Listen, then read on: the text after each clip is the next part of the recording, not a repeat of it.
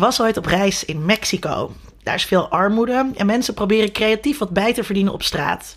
In de stad Puebla zijn veel daklozen en zij verkleden zich daarom als clown. Dat is natuurlijk de domste keuze ever. Iedereen is bang voor clowns. En wie niet bang is voor clowns, is niet goed bij zijn hoofd. Speelt It van Stephen King nou goed in op die angst? Of zijn we bang voor clowns vanwege It? Ik weet wel dat alleen een foto van Pennywise al genoeg is om een kippenvel te bezorgen. Des te verbaasder was ik toen ik de oude It terugkeek en geen enkele seconde meer bang was. Het was vooral het concept dat eng was en is. Met de nieuwe It in de bioscoop en nog een berg films te bespreken waar we in de vorige aflevering over Stephen King niet aan toe zijn gekomen, is dit de Stephen King Chapter 2 aflevering. Mijn naam is Linda Duits en dit is Geeky Dingen.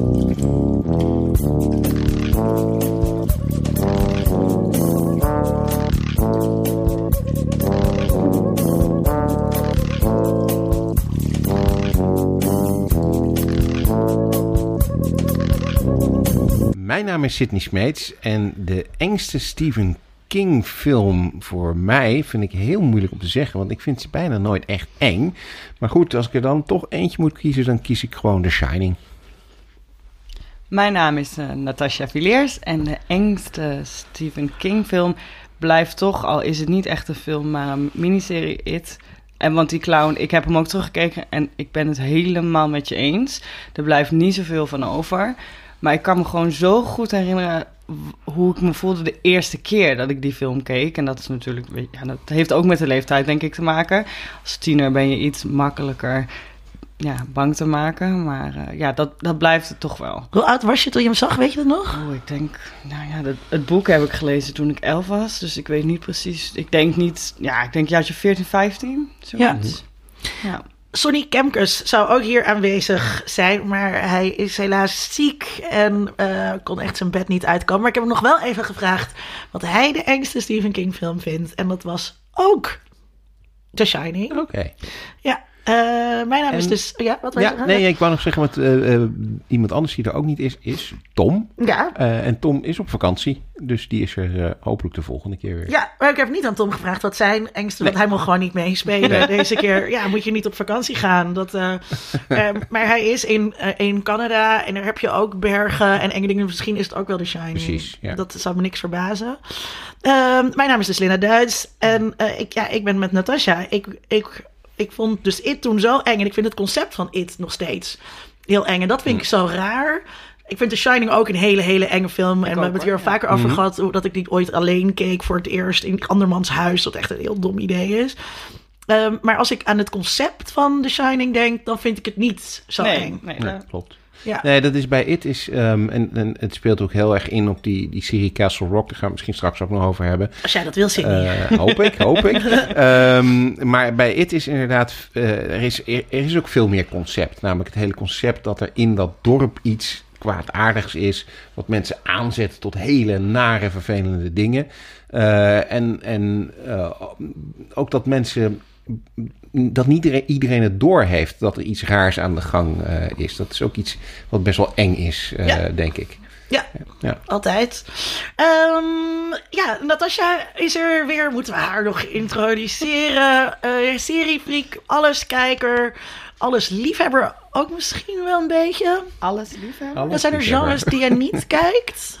Mm. Die je principieel uitsluit, nee. hoor je nooit over kostuumdrama. Oh nee, vind ik fantastisch. Oh, nee, um, ik heb wel, zeg maar, jazz zou ik nooit luisteren. Als er een serie is met heel veel jazz, zou ik dat wel overslaan. Mm. Oké, oké, ja. Nee, ik, uh, uh, ik hou niet zo van romantische comedy. Dat is, uh, dat is niet waar mijn... Ik zag een trailer voor een of andere... Uh, leuke modern love met echt elke ster uh, uit Amerika ongeveer uh, qua televisie. En toen dacht ik, nou, dit sla ik even over. Ja. Echt over moderne liefde, maar dan niet echt vernieuwend, maar gewoon weer sappy sappy. Ja, ja, ja. Kan wel heel lekker zijn hoor, maar ja, dat, zou, dat staat echt achteraan. Daar maak je jou niet blij mee. Nee. Nou, had ik niet achter je gezocht. Kijk jij wel eens romcoms, Sydney? Ja hoor, ik vind romcoms uh, kan ik heel leuk vinden. Uh, maar ik hou er wel van als het dan een beetje meer edgy is. Als er gewoon een beetje wat, wat platte humor in zit of zo. Ook, uh, Als ze elkaar niet alle- krijgen. Ja, bijvoorbeeld. Op, maar als het echt alleen maar een hele gezapige romantische komedie is, dan vind ik het ook niet zo Oh, ik, ik lieg trouwens een beetje. Want ik heb laatst een serie zitten kijken van eh Minnie Kaling. Die heeft die eh, Four Weddings and a Funeral serie Mhm. gemaakt. En dat was best zoetsappig. Maar toch ook stiekem wel weer leuk. Jeetje, wat een... We beginnen Ja, met ja, nuance. Dat gaat al helemaal mis. dat hoor, hoor ik nu al. Eh, leuk dat je er weer bent. Eh groetjes dus en beterschap aan Sonny. eh, die we hiervoor ook uitgenodigd. Want jullie waren er alle twee ook in onze vorige Ja, eh, Stephen King ik- aflevering. Ik vond de vorige aflevering erg leuk om te doen. Mooi zo. Nou, hopelijk is, gaan, we dat met deze, gaan we dat met deze ook, eh, ook weer waarmaken.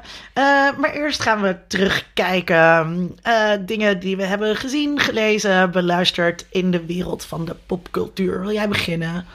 Ja hoor. Ja, ik heb eh, Carnival Row gekeken. Hebben jullie daar het al over gehad überhaupt? Nee. Nee, we hebben het alleen ge- genoemd dat het eraan kwam, maar nog niet besproken. Ja, nou, ik keek het en ik vond het eh, vermakelijk. Ja. Het, het was, eh, ja. Waar gaat het over? Het is een soort eh, ja, detective in, in een wereld met mythische eh ja, vee noemen ze het. Dus eh, met fairies en van alles en nog wat.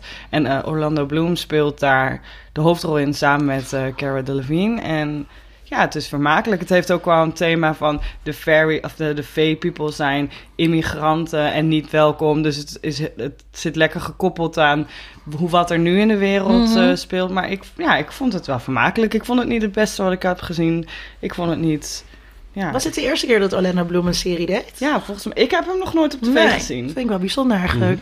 Ja. Dus ja, het was, eh, ja, ik vond het was spannend het, en het was wel grappig. Want detective, weet je wel, murder mystery zit meestal niet in dan fantasy. Nee. Tenminste, niet zo vaak wat ik me kan herinneren. Dus eh, nee, ik Het speelt zich een beetje in de 19e eeuw af, eh, of in ieder geval de Nee, het- sfeer. ja, ja, ja, ja. Het, zij noemen het zelf volgens mij de negende eeuw, maar het is Oh, echt ja. helemaal, ja, ja, fantasy. Dus eh, ja, het is een beetje industrieel, ja, een beetje donker, Mhm. neo-noir las ik ergens. Ik dacht, oké. Oké, klinkt goed. Nog Ja, iets het- anders? Ehm, eh, nou, ik denk dat je het al over de boys hebben gehad. Heel even, maar ga je gang. ja, ik, sorry, ik weet nooit zo goed. Ik kan, nou nee, weet je, ik wil het eigenlijk liever over de terror hebben. Oh. De, de Ja, terror... dat wou ik als Oh. vooruitblik doen. nee, ga maar, ga maar, ga maar. Ja. Nee, ik heb de eerste vier afleveringen gezien. En het is gewoon bijna net zo goed als vorig seizoen. Want- Terwijl het is eh, heel anders. Het gaat over eh, de Japanse mensen die in Amerika zijn tijdens Pearl Harbor en hoe ze daarmee omgaan. En ook vooral de creepy, ja, ehm, oude geesten en echte de, ja, dingen vanuit het verleden. En het, ja, ik vind het echt heel goed. Ja, ik, ik weet niet, het is gewoon... eh, Japanse mythologie een Ja. beetje zit erin. En wat wel interessant is, eh, eh, George Takei, de bekende acteur uit onder andere Star Trek, eh, waar die Sulu eh, speelt, heeft, eh, heeft dit echt meegemaakt. Hè? Die is als jongetje oh, echt? Oh, in een concentratiekamp gestopt omdat hij Japans was en zijn ouders Japans waren. Hij heeft er ook een musical over gemaakt zelfs. Oké. Ehm, Internaliseringskamp. ja, of een Ik vond het internaliseringskamp. ook ja. best heftig, want ik zit niet zo in de Amerikaanse Mhm. geschiedenis. En ik dacht, wauw, Ja. dit is, eh, is dit... Ik vroeg ook echt, is dit echt gebeurd? Ja, ja. Want ja, de- ik zit daar helemaal... Ik bedoel, de, het, volgens mij is dat nou niet iets wat super wijdse kennis is hier in Nederland... zodat we Nee. daar... Da, Dit daar- is niet iets wat je op school leert. Nee, in ieder Nee, geval. nee. Amerikanen ook niet. Daar, daarom heeft George Takei dus altijd daar geprobeerd aandacht aan te besteden. En eh, daarom is het ook wel mooi, ondanks dat het niet een hele grote rol is, dat hij in deze serie Ja. ook, eh, ook ja, zit. joh, dat is zeker Ja. dan. Ja, en, en, en wat, ik, wat ik wel interessant vind is ook, van waarom leren we dat niet? Omdat Amerika natuurlijk de bevrijder was Mhm. van ons. Ja. En overwinnaars schrijven de geschiedenis en zo.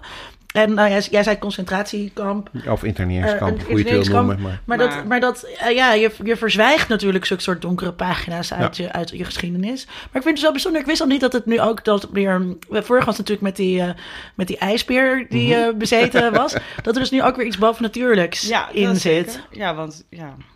Vet. Moet maar kijken. Ik wil het ook niet voor je spoilen. Nee, Ja. nee, ja. nee, het is zo moeilijk. Ik denk, nee, nee, doe het niet. Ik wou dit dus in mijn vooruitblik eh, eh, eh, mag zetten. Ik had al van een paar mensen gehoord dat het ging komen. Dus ik had daar, ik had daar heel veel zin in. eh, ja, Terecht, zou ik zeggen. ja, ja, ja. Heel Trouwens, de vorige keer dat ik het over de terror had, heb ik steeds de horror gezegd. Wat dus onjuist was. Nogmaals, excuses, lieve Ah, ja. luisteraars. Is al heel lang geleden, maar toch. Toen had je een Sydney, hersenschudding. Nou, zo lang geweest ook weer niet. Ja, ja nee, Ja, wij zijn ja, Ja, hersenschudding. Ja, hersenschudding. Had je wel, had je wel. Eh, ja, ik ben in eh, Londen geweest en ik heb daar eh, hele, hele, alleen maar geeky dingen gedaan. Ik Alleen ben, maar geeky dingen. Ja, echt alleen maar. Ik ben begonnen met een nou, kleine tentoonstelling van requisieten en, en poppen van The Dark Crystal Age of Resistance. Dat is de Ja. nieuwe Heb Netflix-serie jij dat die, al gezien? die Linda helemaal geweldig vindt, las Oh, ik al. Heb jij het- eh, heb jij het op, eh, gekeken? Ik heb twee afleveringen gekeken en toen kon ik niet meer. Ik Nee. kon echt niet naar Precies. Ik kon 10 minuten niet eens. Die pop, ik dacht, Ja. dit is leuk voor kinderen of Nou. zo. Of misschien, nou, ook niet echt geschikt natuurlijk, maar ik dacht meer... Ik snap niet wat, het, wat de audience van deze serie is. De slechte het poppen niet. zien eruit Ja. als slechte rikken. Maar zo... terwijl de rest vond ik wel heel mooi. Ik vond het wel, ik dacht wel... ehm, ja, als, Hier ik zit weet- iets achter. ja, dus ja, precies. maar niet, ik, die, ik dacht alleen maar die monden. Maar, maar, maar, ja, dat kan, ik- dat ik- kan de luisteraar natuurlijk niet zien. Grappig Maar, is dat- Muppets dacht ik de Ja, hele Ja, tijd. nee, dat, dat, zijn het, dat zijn het ook. Hè, want Het ze zijn zijn, toch ook van Jim? Jawel, ze zijn ontworpen door Jim, Jim Henson, Henson, dus ja. in die zin Muppets. Deze ook in deze Eh, serie. eh, nou, Jim Henson is overleden, maar dit is ja, nog steeds deze auteur is gebaseerd... dood. Ja, het is nog steeds gebaseerd op eh, zijn ontwerp en nog van een andere meneer eh, die dat samen met hem eh, toen ontworpen en bedacht heeft. En eh, ja, jullie reactie is, is, is, is eh, eh, grappig, vind ik. Niet zozeer omdat, omdat het niet, niet, niet klopt, want bedoel, dat is wat jullie ervan vinden. Maar het lijkt ook een beetje alsof die serie mensen verdeelt tussen de mensen die de oorspronkelijke Dark Crystal film van Jim Henson met de poppen, et cetera, heel goed vonden en daar iets mee hebben. Die nu zoiets hebben van, oh ja, deze serie gaat gewoon verder en, en heeft nieuwe technieken. Want ja, jij zegt van het zijn poppen en het ziet er niet uit. Maar deze poppen zijn aanzienlijk, eh, zijn aanzienlijk geavanceerder dan de poppen, zeg maar, 30 Maar misschien jaar is dat geleden. wel het probleem of zo. Ja. Dat het juist te, te modern is en dat het soms net lijkt alsof het geen pop is en dan is het. Ja. ineens weer een, Het is een enorme pop. ja, het is ook een combinatie van poppen en eh, CGI. Hè? Bijvoorbeeld eh, eh, bij de Skeksis, dat zijn de, de monsterpoppen. Met Eh, hele grote haakneuzen. nee, dat zijn geen neus, dat zijn bekken. Eh, het is een bek van een vogel. Dat is een vogel, ja, toch? Het is een vogel. Ja, maar het lijkt op een haakneus. Het Nou, lijkt op is wat jij ziet. Dat is, nee, Gonzo's neus is krom. Maar goed, dat maakt niet uit. Eh, eh, eh, die, die hebben nu een tong die beweegt. En dat ziet er eh, ja, best Oh, wel goed uit, vind ik. Oh ja, maar ook het wel creepy. En ik Nee, vond het ook wel. ehm, ik vond het ook echt wel wat. En ze, in die eerste aflevering zijn die. die, die hoe heet zijn- Skeksis. Keks is echt heel, heel eng, vond ik ook. Ja, echt het zijn- wel. het- heel ik vind- naar en het met slijm en vies. ook, ja. en, dus ik, ik heb het echt een kans gegeven, maar het bleef voor mij inderdaad te veel haken Ja. op. Nou, en wat, Toch? wat leuk is, is dat er, er komen dus steeds eh, nieuwe skeksis. eh, die daar word je aan, ge- aan voorgesteld. Dus ook meer dan er in de oorspronkelijke film zitten. En ik vind zelf de skeksis gewoon het leukst. Die, die zijn gewoon interessant, die zijn gewoon leuk om te zien. Eh, de Gelfling vond ik eigenlijk nooit zo heel erg leuk. Omdat het een beetje van die jaren zeventig... Achtige, eh, vroeger had je. Oh, mijn moeder maakte je ook van die ja. poppen altijd, zeg maar. Van, dat, dat deden alle huisvrouwen, zeg maar. Die maakten toen van die. Alle huisvrouwen. En mannen misschien, maar in ieder geval, die maakten Hashtag toen. eh, not all housewives. die maakte toen een beetje van die, van die elfachtige popjes. Nou, zo zien Nee, deze er ook wel uit. Ehm, maar die tentoonstelling was leuk. Daar kon je een beetje, je kreeg een kijkje achter de schermen. Je kreeg een aantal van de requisieten te zien. Een aantal van de poppen stonden daar ook. Eh, je kon een eh, filmpje opnemen waarbij je zelf de stem van een Skeksis eh, Oh, kon geinig. Dus dat was, was op zich Binnenkort op allemaal, Facebook eh, nee, zien. is allemaal al lang. eh, dat is eh, al- heeft iedereen al lang gezien. Ondertussen Maar het wordt- was het maar-. Het wordt volgens mij ontzettend goed ontvangen. Ja, dus, eh, zeker. Ik zie het heel vaak, wat je zegt, Ja. klopt volgens mij. Dus ik zie heel veel positieve reacties eh, eh, op Twitter van mensen die zeggen... Ik keek toen die film, dat vond ik tof, nu kijk ik het weer. Ik had ook zelf bedacht, ik ga eerst die film kijken. Maar toen had ik het toch, toch aangezet. Ah, dacht ik, wow, wat, wat ben ik aan het kijken? Hmm. Ja, de, de film is, dit is eigenlijk een prequel. Hè? Dit speelt zich af voor Oh, de film. Dus je kunt dit ook voor de film kijken en dan zie je wat er is het uiteindelijk dan gebeurt. daadwerkelijk goed of is het omdat jullie eindelijk... Nee, het is, het- ik vind het echt wel goed. De eerste aflevering had ik ook zoiets dat ik dacht van... Vind ik dit nou goed? Vind ik dit nou leuk? Of is het een soort nostalgie naar die oude film? Maar gaandeweg zit er best wel een aardig verhaal in. Eh, het, is, het, het ontwikkelt zich ook eh, op een interessante manier. Eh, het laat ook het, het verhaal van die film best wel ver achter zich en los. Eigenlijk voor zich, want het speelt zich in de toekomst af. Maar goed, het, het is echt een heel ander soort verhaal. Heel veel meer karakters het is een serie, dus ze hebben ook veel meer ruimte om dat eh, te doen. Dus, eh, en veel meer karakterontwikkeling natuurlijk, want dat kan in die film ook nauwelijks. Maar, ja, ik, ja, sorry. Ja, dat Ja. is misschien wel flauw, maar ik bleef zo hangen met dat begin. En dan gaan ze helemaal uitleggen die Dark Crystal en dat het zo belangrijk was. En toen dacht ik, ja, ik ben toch geen imbeciel? Ik snap Eh. dat zo'n kristal belangrijk... Ja, dat is dat... You figured it out voor... Weet je wel, ik heb wel eens eerder Mhm. science fiction en fantasy gezien. Maar daarom was mijn eerste reactie ook, het lijkt wel een beetje voor kinderen Het of lijkt zo. voor Het is- kinderen. Het is zo... En dan maar niet ook volgens het de standaarden van deze tijd. Ik denk dat, het, dat, dat ze het ook voor kinderen hebben willen maken. Eh, misschien wat meer voor eh, Engels-Amerikaanse kinderen, want die kunnen het misschien allemaal wat beter volgen dan. eh, want ik weet niet of er een Nederlandse versie van, Nee, van is. Maar goed, het is eh, misschien die eerste aflevering iets om even doorheen te komen. Maar daarna wordt het, wat mij betreft, wel beter. En, en ik vind het, een, vind het dus interessant. Nou, misschien moet ik het dan toch nog een poging geven. Zeker. Want ik ben niet zoals Linda dat het helemaal... Het, ik, ik weet niet, ik zette het gewoon af en ik ben er nog niet echt terug naartoe gegaan. Mhm. En ik vond wel wat van de stijl van de poppen, maar ik vond het ook wel... Ik wilde ook wel dat ik dacht, misschien moet ik toch... Nou, en nu Ja. heb je me wel overtuigd. Gelukkig. Nou, dat is in ieder geval één, één, één, Linda één persoon gewonnen. Ik, ik blijf Eh, hier mokkend zitten kijken. Eh, en waar ik ook naartoe ben geweest, dat is vlak buiten Londen, ligt een eh, heel mooi landgoed. Dat landgoed is ook wel eens, eh, het, is, het is, het is een eh, Tudor ehm, eh, mansion, eh, een soort kasteel, wat ook wel in een aantal eh, films en series is gebruikt. En op dat terrein, eh, in een paar schuren die helemaal omgebouwd eh, zijn, zit Prop Store of London. En Prop Store of London, eh, die hebben inmiddels ook een vestiging in Los Angeles overigens, is een bedrijf dat allemaal props, kostuums uit films en series ja, verzamelt en verkoopt. Dat doen ze gewoon op hun website met vaste prijzen. Dus gewoon, eh, nou, als je een hoed van eh, een cowboy uit een film wil hebben, die staat op de website, kost zoveel, koop je. Eh, en een paar keer per jaar hebben ze veilingen. En eh, dat was eigenlijk een van de redenen om daar nu naartoe te gaan. Want ze hebben eind van deze maand en, hebben ze een veiling, duurt twee dagen. Die heet Entertainment Memorabilia Live Auction. Heel originele titel. Ehm, en daar hebben ze ongelooflijk veel echt iconische kostuums en props die, die geveild worden. Die je dus kunt kopen als je, nou ja, in sommige gevallen wel een ton eh, eh, extra geld over hebt om iets te kopen. fan bent. Precies, Zoals meester Sidney Smith. Nee, dat valt helaas, eh, helaas tegen, los van de ruimte eh, die ik niet heb. Maar eh, er worden echt fantastische dingen eh, eh, geveild. Eh, ja, op de, op de voorpagina van de catalogus, of catalogus, ik weet nooit. Catalogus. Catalogus, precies. eh, staat al het kostuum van Batman uit de eerste Batman-film. En een kostuum van de Joker en een kostuum van de Riddler. Eh, ze hebben dus heel veel Batman-dingen, maar ze hebben echt van alles. Ze hebben Star Wars-dingen, Indiana Jones, eh, Judge Dredd. Ze hebben een originele eh, Ghost Trap van Ghostbusters. Echt heel vet. Ja, echt Ja, heel vet. Die staat, echt die staat ingeruimd, zal ik maar even zeggen, op een prijsschatting van tussen de 80 en 120.000 Holy Pond. moly. voor één eh, Ghost Trap. Maar dat vind ik het wel waard. Maar als ik kijk is naar het dat, zeker naar waard, dat eh. Riddler pak op de voorkant, Ja, dat is... denk ik ja, dat had mijn moeder ook wel kunnen naaien. Dat had je moeder misschien kunnen naaien, had, maar ja. dan had Jim Carrey het niet aangehad. En dat is wel wat zij doen en dat is nog wel interessant. Kijk die duidelijk? Ja. Sorry, Oh, ja, sorry Daleks, ze hebben Daleks. Ja, eh, ze hebben originele Stormtrooper helmen. Bijvoorbeeld hier is nu, laat ik nu zien voor de kijker, heel interessant. Maar goed, een, een foto van een Stormtrooper helm. Daar staat een foto bij van Carrie Fisher in Detentive voor in, het eerste, in de eerste Star Wars film. Daar staat zij omringd door Stormtroopers.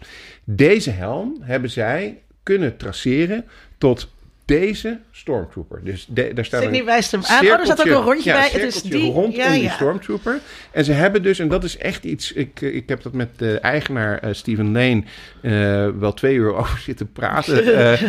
Het is een soort moderne archeologie. Zij gaan dus met, met, met een, een, een team... gaan ze zo'n film op, opnieuw bekijken... met die prop erbij...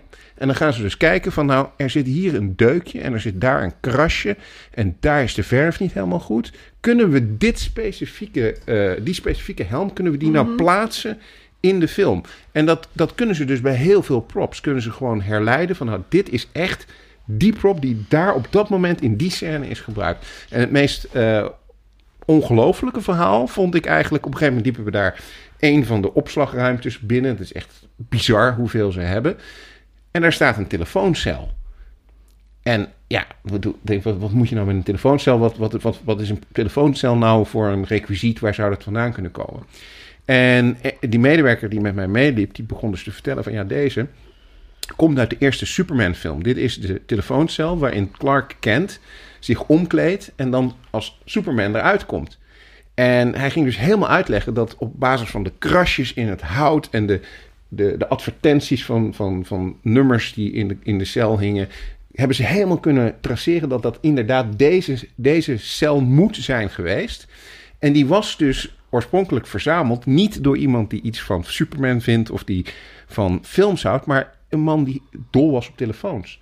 Dus die had allemaal antieke telefoons verzameld en dit stond daarbij. Ik vroeg me dat af inderdaad, hoe komen zij aan al deze spullen? Heel erg veel contacten met mensen die in de industrie eh, werken. Hij vertelde een verhaal. Hij is op een gegeven moment bij een eh, eh, man geweest die op heel veel producties heeft gewerkt.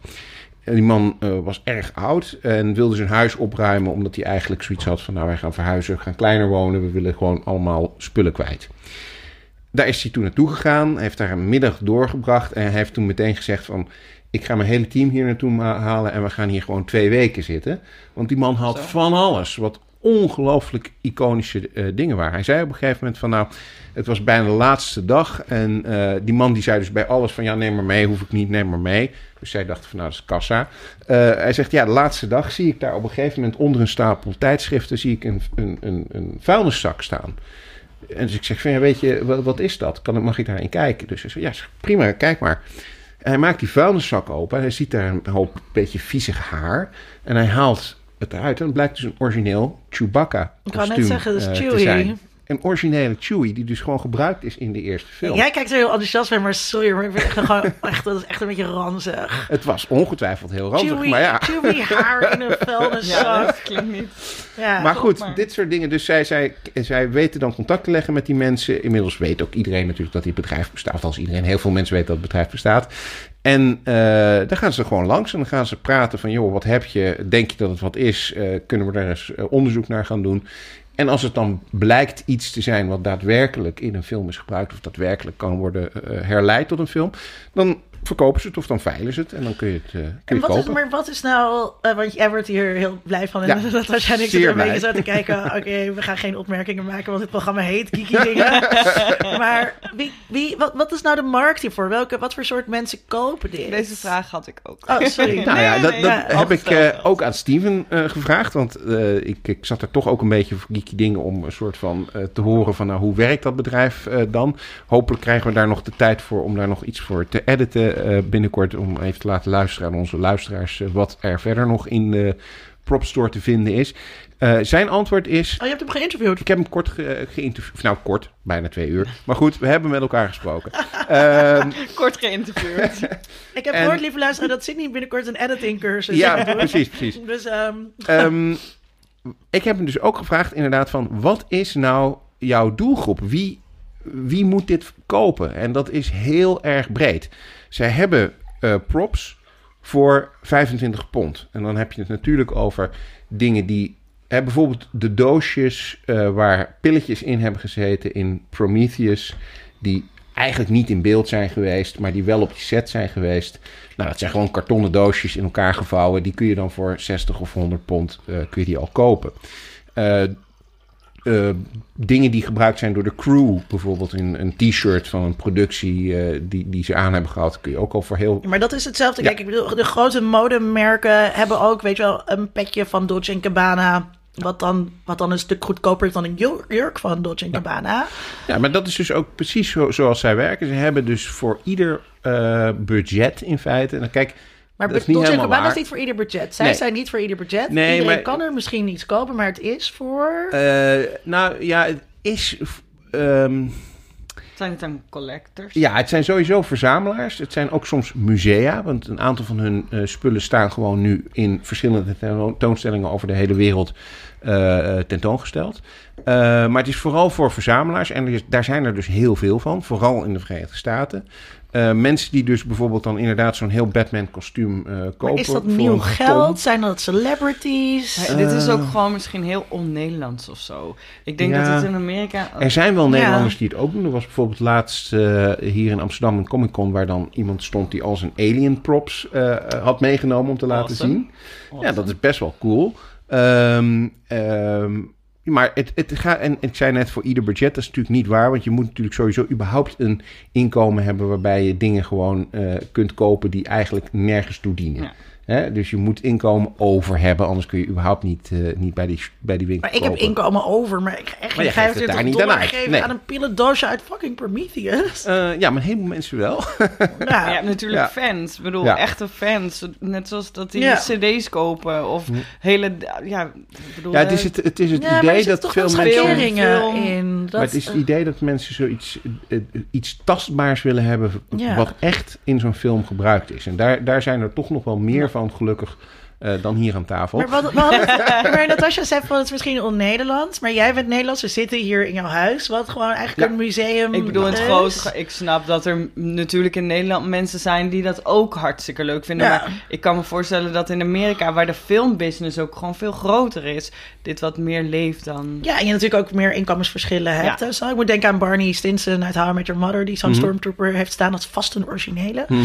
En we zien niet of ik heel benieuwd, wat zou jij dan bereid zijn om Ja, uit te geven ik, eh, nou, aan, dat is- aan dat- Chewie haar? Ah, oh, ah, nou, een eh, eh, chewy haar, dat, dat kun je overigens al voor een paar honderd pond, maar voor een paar honderd pond kun je dat al kopen. Alleen het haar dan, hè? niet het hele kostuum, want dat, dat kost waarschijnlijk twee ton. Nee, maar ik heb bijvoorbeeld gewoon op mijn kantoor, eh, heb ik een, een, niet hier, het staat niet hier thuis, maar ik heb op mijn kantoor een plaquette met een, met een stukje Ewok haar. En dat kost dan 50 pond. En ik vind het leuk om te hebben. Maar dat mag. Jij mag dat hartstikke leuk vinden. dat Wij doen er lachelijk, Ja. een beetje Nee. lacherig over. Maar dat zo, het is gewoon zo'n ver van mijn bedshow of zo. Een soort van... Ja, dat kan ik me gewoon niet zoveel bij voorstellen. Maar ik snap, ik, ik zie wel hoe blij en leuk jij het vindt. Dus dat is dan wel weer mooi om te zien. Ja, dat ben ik helemaal met Natasja eens. Nee, dat, dat is echt, eh, dat is zeker niet om je te bespotten of zo. Daar, nee. Nee. daar stel ik Wij ook vast vragen. zo onze dingen. Nog even voor onze luisteraars. Als je nou toevallig in Londen zou zijn eh, eh, deze maand, eh, dan is er op De maand. de maand september, voor alle luisteraars. 2019 voor de mensen die nog later luisteren. Ehm, dan is er op een gegeven moment een aantal kijkdagen in, eh, in Londen. Daar kun je een aantal van die props eh, uitgestald zien voordat je erop gaat bieden. En de echte veiling is op 30 september en op 1 oktober. Je kunt via hun website kun je je inschrijven. En dan kun je gewoon online, eh, ja, of je moet naar Londen om live eh, te gaan bieden. Ik heb daar iemand Eh, voor. Ja, precies. en dan, ja, wie weet is de jurk van Carrie onder het bloed wel voor jou dan. Die kun je kopen. Ik, ehm, ik, maar ik zou dus wel weer naar zo'n kijkdag gaan. Als Ja. ik dan in Londen was, dan, dan, Ja. dat zou ik dan ook wel weer. Daar ben ik ook wel weer nerdy genoeg voor. Nou, ik, ehm, ja, ik, eh, ik zou dus gewoon naar It gaan. Dus ik had kaartjes met mijn vrienden voor een It Double Bill in Dolby Cinema. Helemaal excited. En ik kwam daar aan. En toen zeiden ze eerst tegen me, mijn vrienden... Ja, ze hebben technische problemen. dus ze kunnen deel 1 niet vertonen. En eh, dus daar baalden we van. En ik had deel 1 ook nog niet gezien. Dus ik dacht, nou, dat Oh. is mooi zo'n bill. ook nog niet staat op gezien. Netflix. Eh, staat het nummer. Dus ik dacht, nummer, kan ik dat Ja, ook in. Dolby Cinema kijken? Ja, klopt. En heel... Dolby Cinema is wel echt... is wel echt vet. En de week daarvoor hadden we namelijk The Matrix in Dolby Ja, Cinema ja, ja, ja. gekeken. Wat ook echt, oh, motherfucking vet was. Ja. En ehm, dus ik was een beetje teleurgesteld. Toen zeiden we, nou, we kunnen nog naar een andere bioscoop gaan... waar ze ook eh, een It eh, Double Bill hebben. Maar dachten, nou, blijf toch maar hier. Want, zeiden ze ook, dan zien jullie deel 2 drie uur eerder... dan eh, het wereldwijde Mhm. publiek. Omdat hij dus pas volgens mij om middernacht in Ja. première zou gaan. Dus zei ze, nou oké. En toen kregen we een voucher voor iets uit, de, uit het buffet, zeg maar. nadat we al bij het buffet waren geweest. Dat was ook een downer. Dit speelt zich allemaal af in paté. Trouwens, paté. Ja, kut paté. Oh. En ehm, dus toen zaten we en toen kregen we reclame en voorfilmpjes. En toen begon de film. En toen stopte de film. En toen ging het licht aan en dat duurde heel lang. En er kwam iemand. Ik zat toevallig naast een meisje dat bij Pathé, Pathé werkte. dus die ging bellen, want er moest ook blijkbaar iemand geïnformeerd worden dat de film stil stond. Ja, het gaat allemaal automatisch, hè? Dat, ja. ehm, nou, dus eh, toen kwam er iemand en zei, nou, we gaan het weer opnieuw opstarten. Toen kregen we weer opnieuw reclame, opnieuw ervoor filmpjes. Want blijkbaar is deze projector dermate ingewikkeld dat je ook niet gewoon even vooruit kunt spoelen tot het punt waar we waren. Ehm, Vroeger waren dingen toch beter. ja, want toen kon je gewoon op de film zien waar je was. Je keek Ja, gewoon ja, op, de, ja. op de filmrol waar je was. En eh, dus nou, oké, weer, weer, weer. Dus nou, eh, voor, voor filmpjes, weer voor filmpjes van de Joker, weer. En toen waren we heel blij toen hij voorbij het punt was waar hij dus de Ja. eerste keer gecrashed was.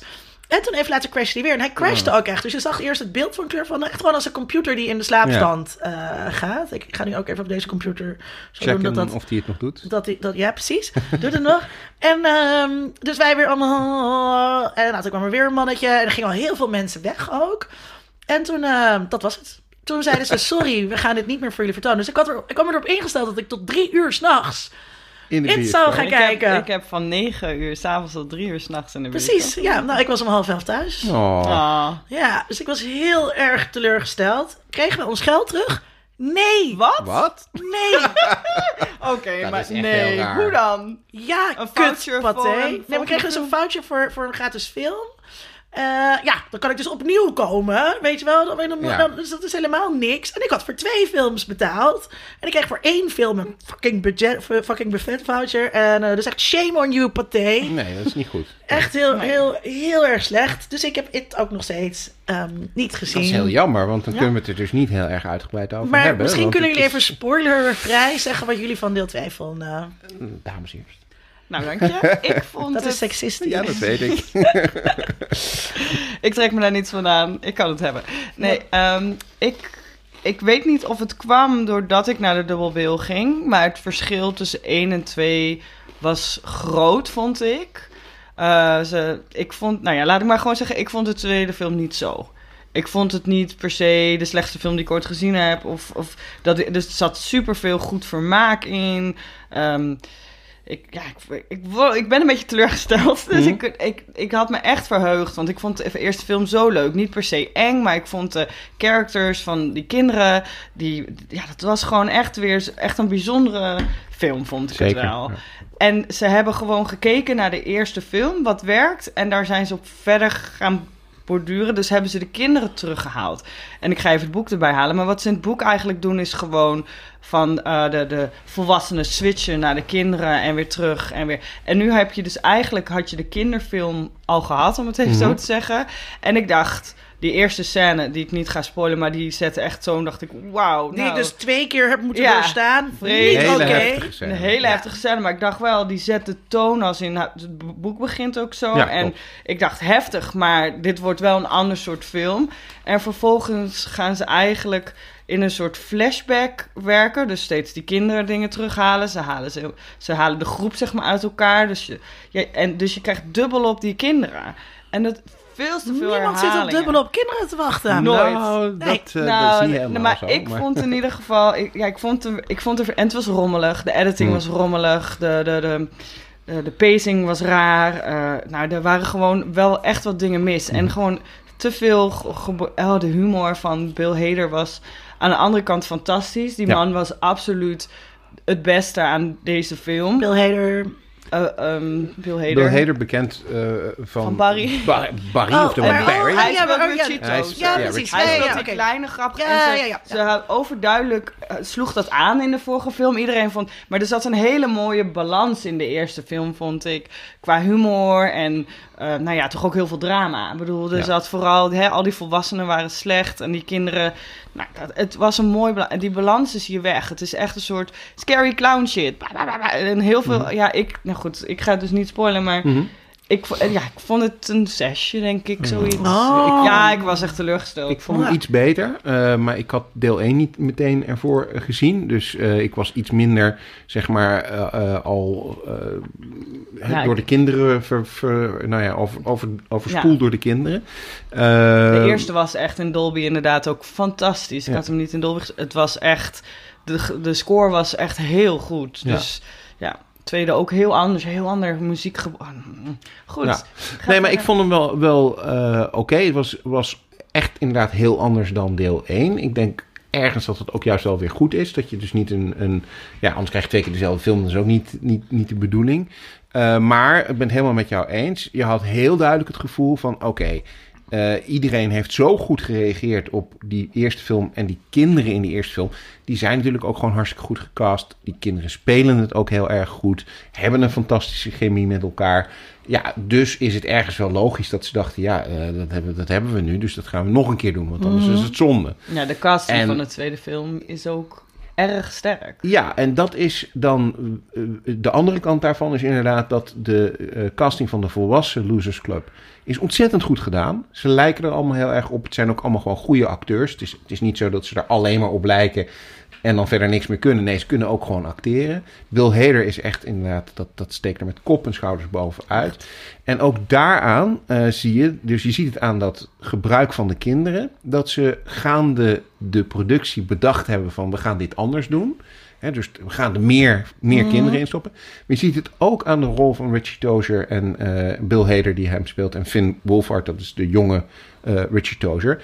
Daar zie je ook aan dat ze gaande de productie besloten hebben om het anders te doen. Omdat zijn rol zoveel Ja. groter is geworden ten opzichte van de eerste film. Ze hebben de hoofdrolspeler gewoon ja, omge- omgedraaid. Bill is niet meer de hoofdrolspeler. Wat dus je prima mer- is, ja, hoor. klopt. Wat op zich prima is. En hij, het werkt ook heel goed. En de verhaallijn van Richie Tozier, daar zullen we niks uit spoilen. Maar dat is, dat is, dat is fantastisch. Dat is Mooi de gedaan. moeite van de film. Ja, vind ik. Is dat alleen al waard? Dat verhaal en hoe dat in beeld gebracht wordt, hoe dat zich ontwikkelt, hoe dat, hoe dat eindigt ook, dat is eh, die hele drie uur vo- volledig waard. Eh, maar inderdaad, het is uit balans. En je merkt dus gewoon dat, dat ze daarvoor gekozen hebben. Omdat ze waarschijnlijk tijdens de dailies zagen van... oh, fuck, dit gaat gewoon heel goed. We moeten die man meer screentime Maar geven. daardoor vind ik dus wel dat die andere characters gewoon een soort bijna plat vallen. Of Hoe zeg je dat? Vlak. Dat zijn, Ja. Bill is echt, James McAvoy is echt een van mijn favorieten. Ik vond hem in ehm, de Split en Mhm, mhm. vind ik hem echt fantastisch. Hij heeft zo'n range, vind ik altijd. En hier is het echt gewoon, ik dacht na een half uur, wat, waar kijk ik naar Ja. echt na- bij hem dan? En niet zozeer, ik dacht eerst dat ligt aan het maar dat ligt aan zijn karakter natuurlijk. Ja, dat, ja, ik weet niet, dat vond ik gewoon, en ik, vind het, ik vond het einde ingewikkeld. Oké, niet over Nee, dat ga ik Niet absoluut, maar ik wilde nog wel even zeggen. Ja, eh, eh, eh, Ja, Stephen ja. King is niet zo goed in Nee, het einde. en de, gelukkig hebben, hebben ze het niet over gehad. hebben ze het helemaal niet over gehad in de film. Nee. nee. Oké, nou ja, we zaten Oh, en dus, Stephen King zit er zelf in. Ja, eh, ja, dat is toch... eh aan het een begin dingetje toch van al? Had ik hem mag zien aan het begin? Nee, niet nee, nee, dat denk Het is ik wel niet. vrij laat. Maar goed, we zaten in het rondje dingen die ik dus niet heb gezien. Wow. Ehm, ik heb voor de rest heb ik eigenlijk niet zoveel gekeken. En ik deed een eh, slechte film. ehm, slechte film, leuke film. eh high school films. de tiener dingen. Marathon. Ik ben met mijn beste vriendinnetje. En ehm, eh, dus we gingen Superbad en Booksmart achter elkaar kijken. Nou, en nog even Nou, naar aanleiding nice. van onze Ja. vorige aflevering over high school films. En het zijn Superbad. gewoon dezelfde films, toch? Superbad had ik al gezien. En ehm, ja, er was een akkefietje met Sydney in de vorige aflevering. Ik moet er mijn excuus voor aanbieden. Sydney had inderdaad niet gezegd dat, super, dat ehm, Booksmart Superbad voor meisjes is. Alleen met meisjes. Maar Ben je Sydney, het niet mee eens? ik vond... Ik, was, ik ging Superbad weer kijken, dat had ik al gezien. En ik vind dat zo grappig. Ik Ja. moet er overal om lachen. Ik vind het echt hilarisch. En bij Booksmart... Ja, Oh, echt? ja, ik had dat ook.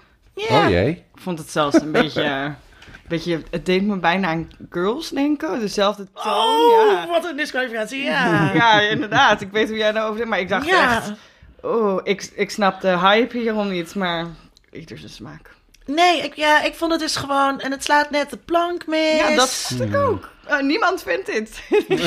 Alleen deze twee nee, mensen ja. aan tafel. Ja, ja dus... eh, dus eh, nou ja, en eh, Sarah dus vond het ook niet... eh, Ah. Het is al Oh, leukig of zo, maar het is gewoon niet zo heel grappig. En ik weet niet of dat dus komt omdat eh, die meisjes eh, een bepaalde comedy show missen... of dat het gewoon anders is geschreven. Ehm, misschien is het dat het... eh, er is nu in de bioscoop een film, eh, Good, Good Boys of zoiets heet die. Dat is ook, ook gaat over jongetjes eh, op de middelbare school.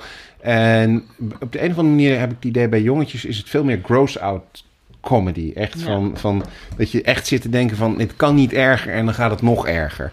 En dat is bij Superbad misschien ook zo. Terwijl dat bij Booksmart is het...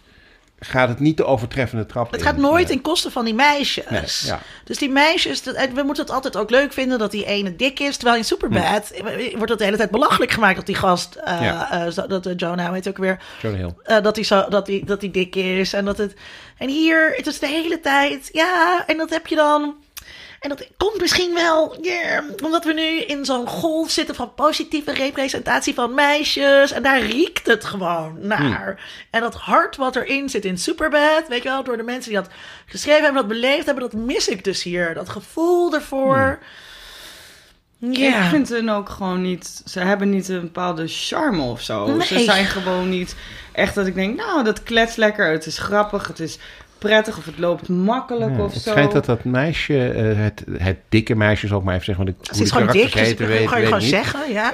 Eh, dat schijnt een nichtje van Jonah Hill te zijn. Ook Oh, dacht zusje het zelfs. zu- of het zusje, is het zusje? zusje. Nou, kijk, precies. maar, ja, ja. Veldstein heet zij volgens mij. Bernie Veldstein. Ja, nee, het enige, het enige personage dat ik echt leuk vond, of de enige twee personages die ik echt leuk vond, was eh, Gigi. Mhm. En toen had ik denk, waar ken ik er ook weer van? Ken ik er ook weer van? Oh ja, je zit in Star Wars.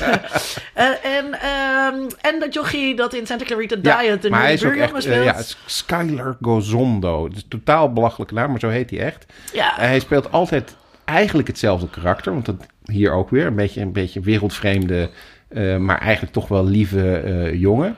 Nerd. Nerd.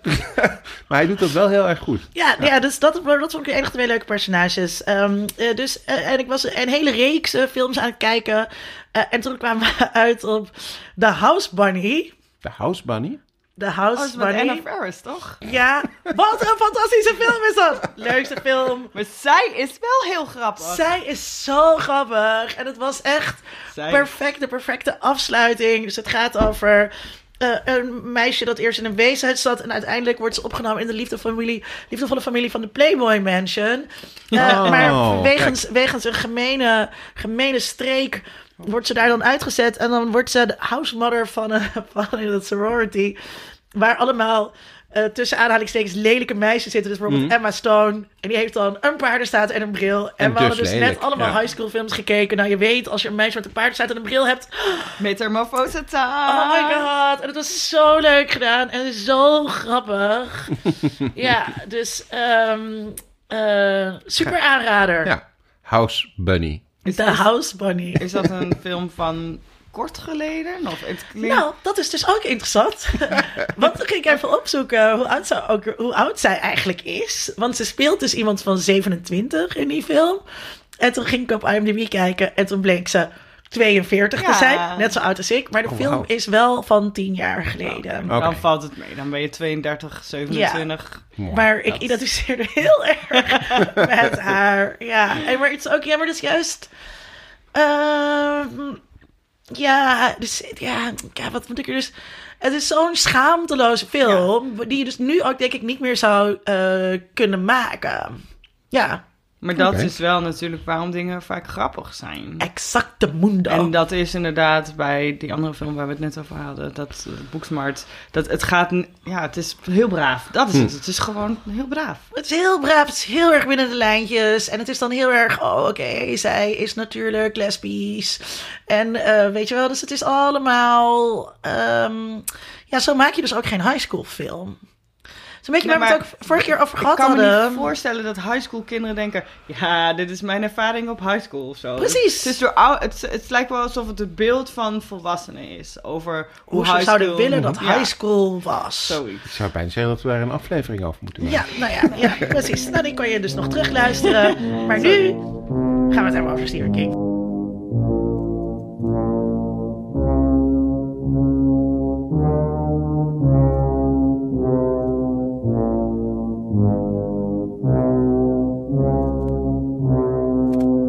Oké jongens, waarom eigenlijk een chapter 2. We hebben een chapter 1 gemaakt. Dat was toen een beetje een grapje van een chapter 1. Maar nu moet er dus blijkbaar ook een chapter 2. Waarom? Waarom? Wat er blijven liggen? Wat, eh, wat, wat, Nou, wat ja, ik, was er ten eerste omdat ik er de vorige keer niet bij was. Maar eh, dat, Dat is is je al een reden. Net als Tom, je bent er niet bij, dan ben je niet daar bij. ben je niet bij, dat is waar. Dan heb je het gemist. Eh, nee, maar, maar eigenlijk, er zijn zo ongelooflijk veel Stephen King verfilmingen. Eh, we hebben dat lijstje even voor deze aflevering nog maar weer eens eh, bekeken. Ja, ik weet niet hoeveel het er bijlage zijn, van maar zes pagina's echt lang. Het zijn er onbeschrijfelijk. 250 of zo. Het is Ja, en dan heb je nog niet zijn, eh zijn dollar babies meegeteld, geloof Ga ik. hier even bij de microfoon. Ga ik zo, Ehm, hoor je me bladeren door de... Door de, door de- Nee, want hij heeft dus naast de, de echte films en series die iedereen gewoon kent, eh, heeft hij ook een projectje waarbij hij aan filmstudenten eh, voor 1 dollar eh, de rechten van zijn eh, eh, verhalen verkoopt. Dus als jij een filmstudent bent en je hebt zin om een Stephen King verhaal te verfilmen, dan mag dat. Moet je hem 1 dollar betalen en dat heet zijn... Zitten hier rozijnen in? Nee, het is karamelzeezout. Kalm.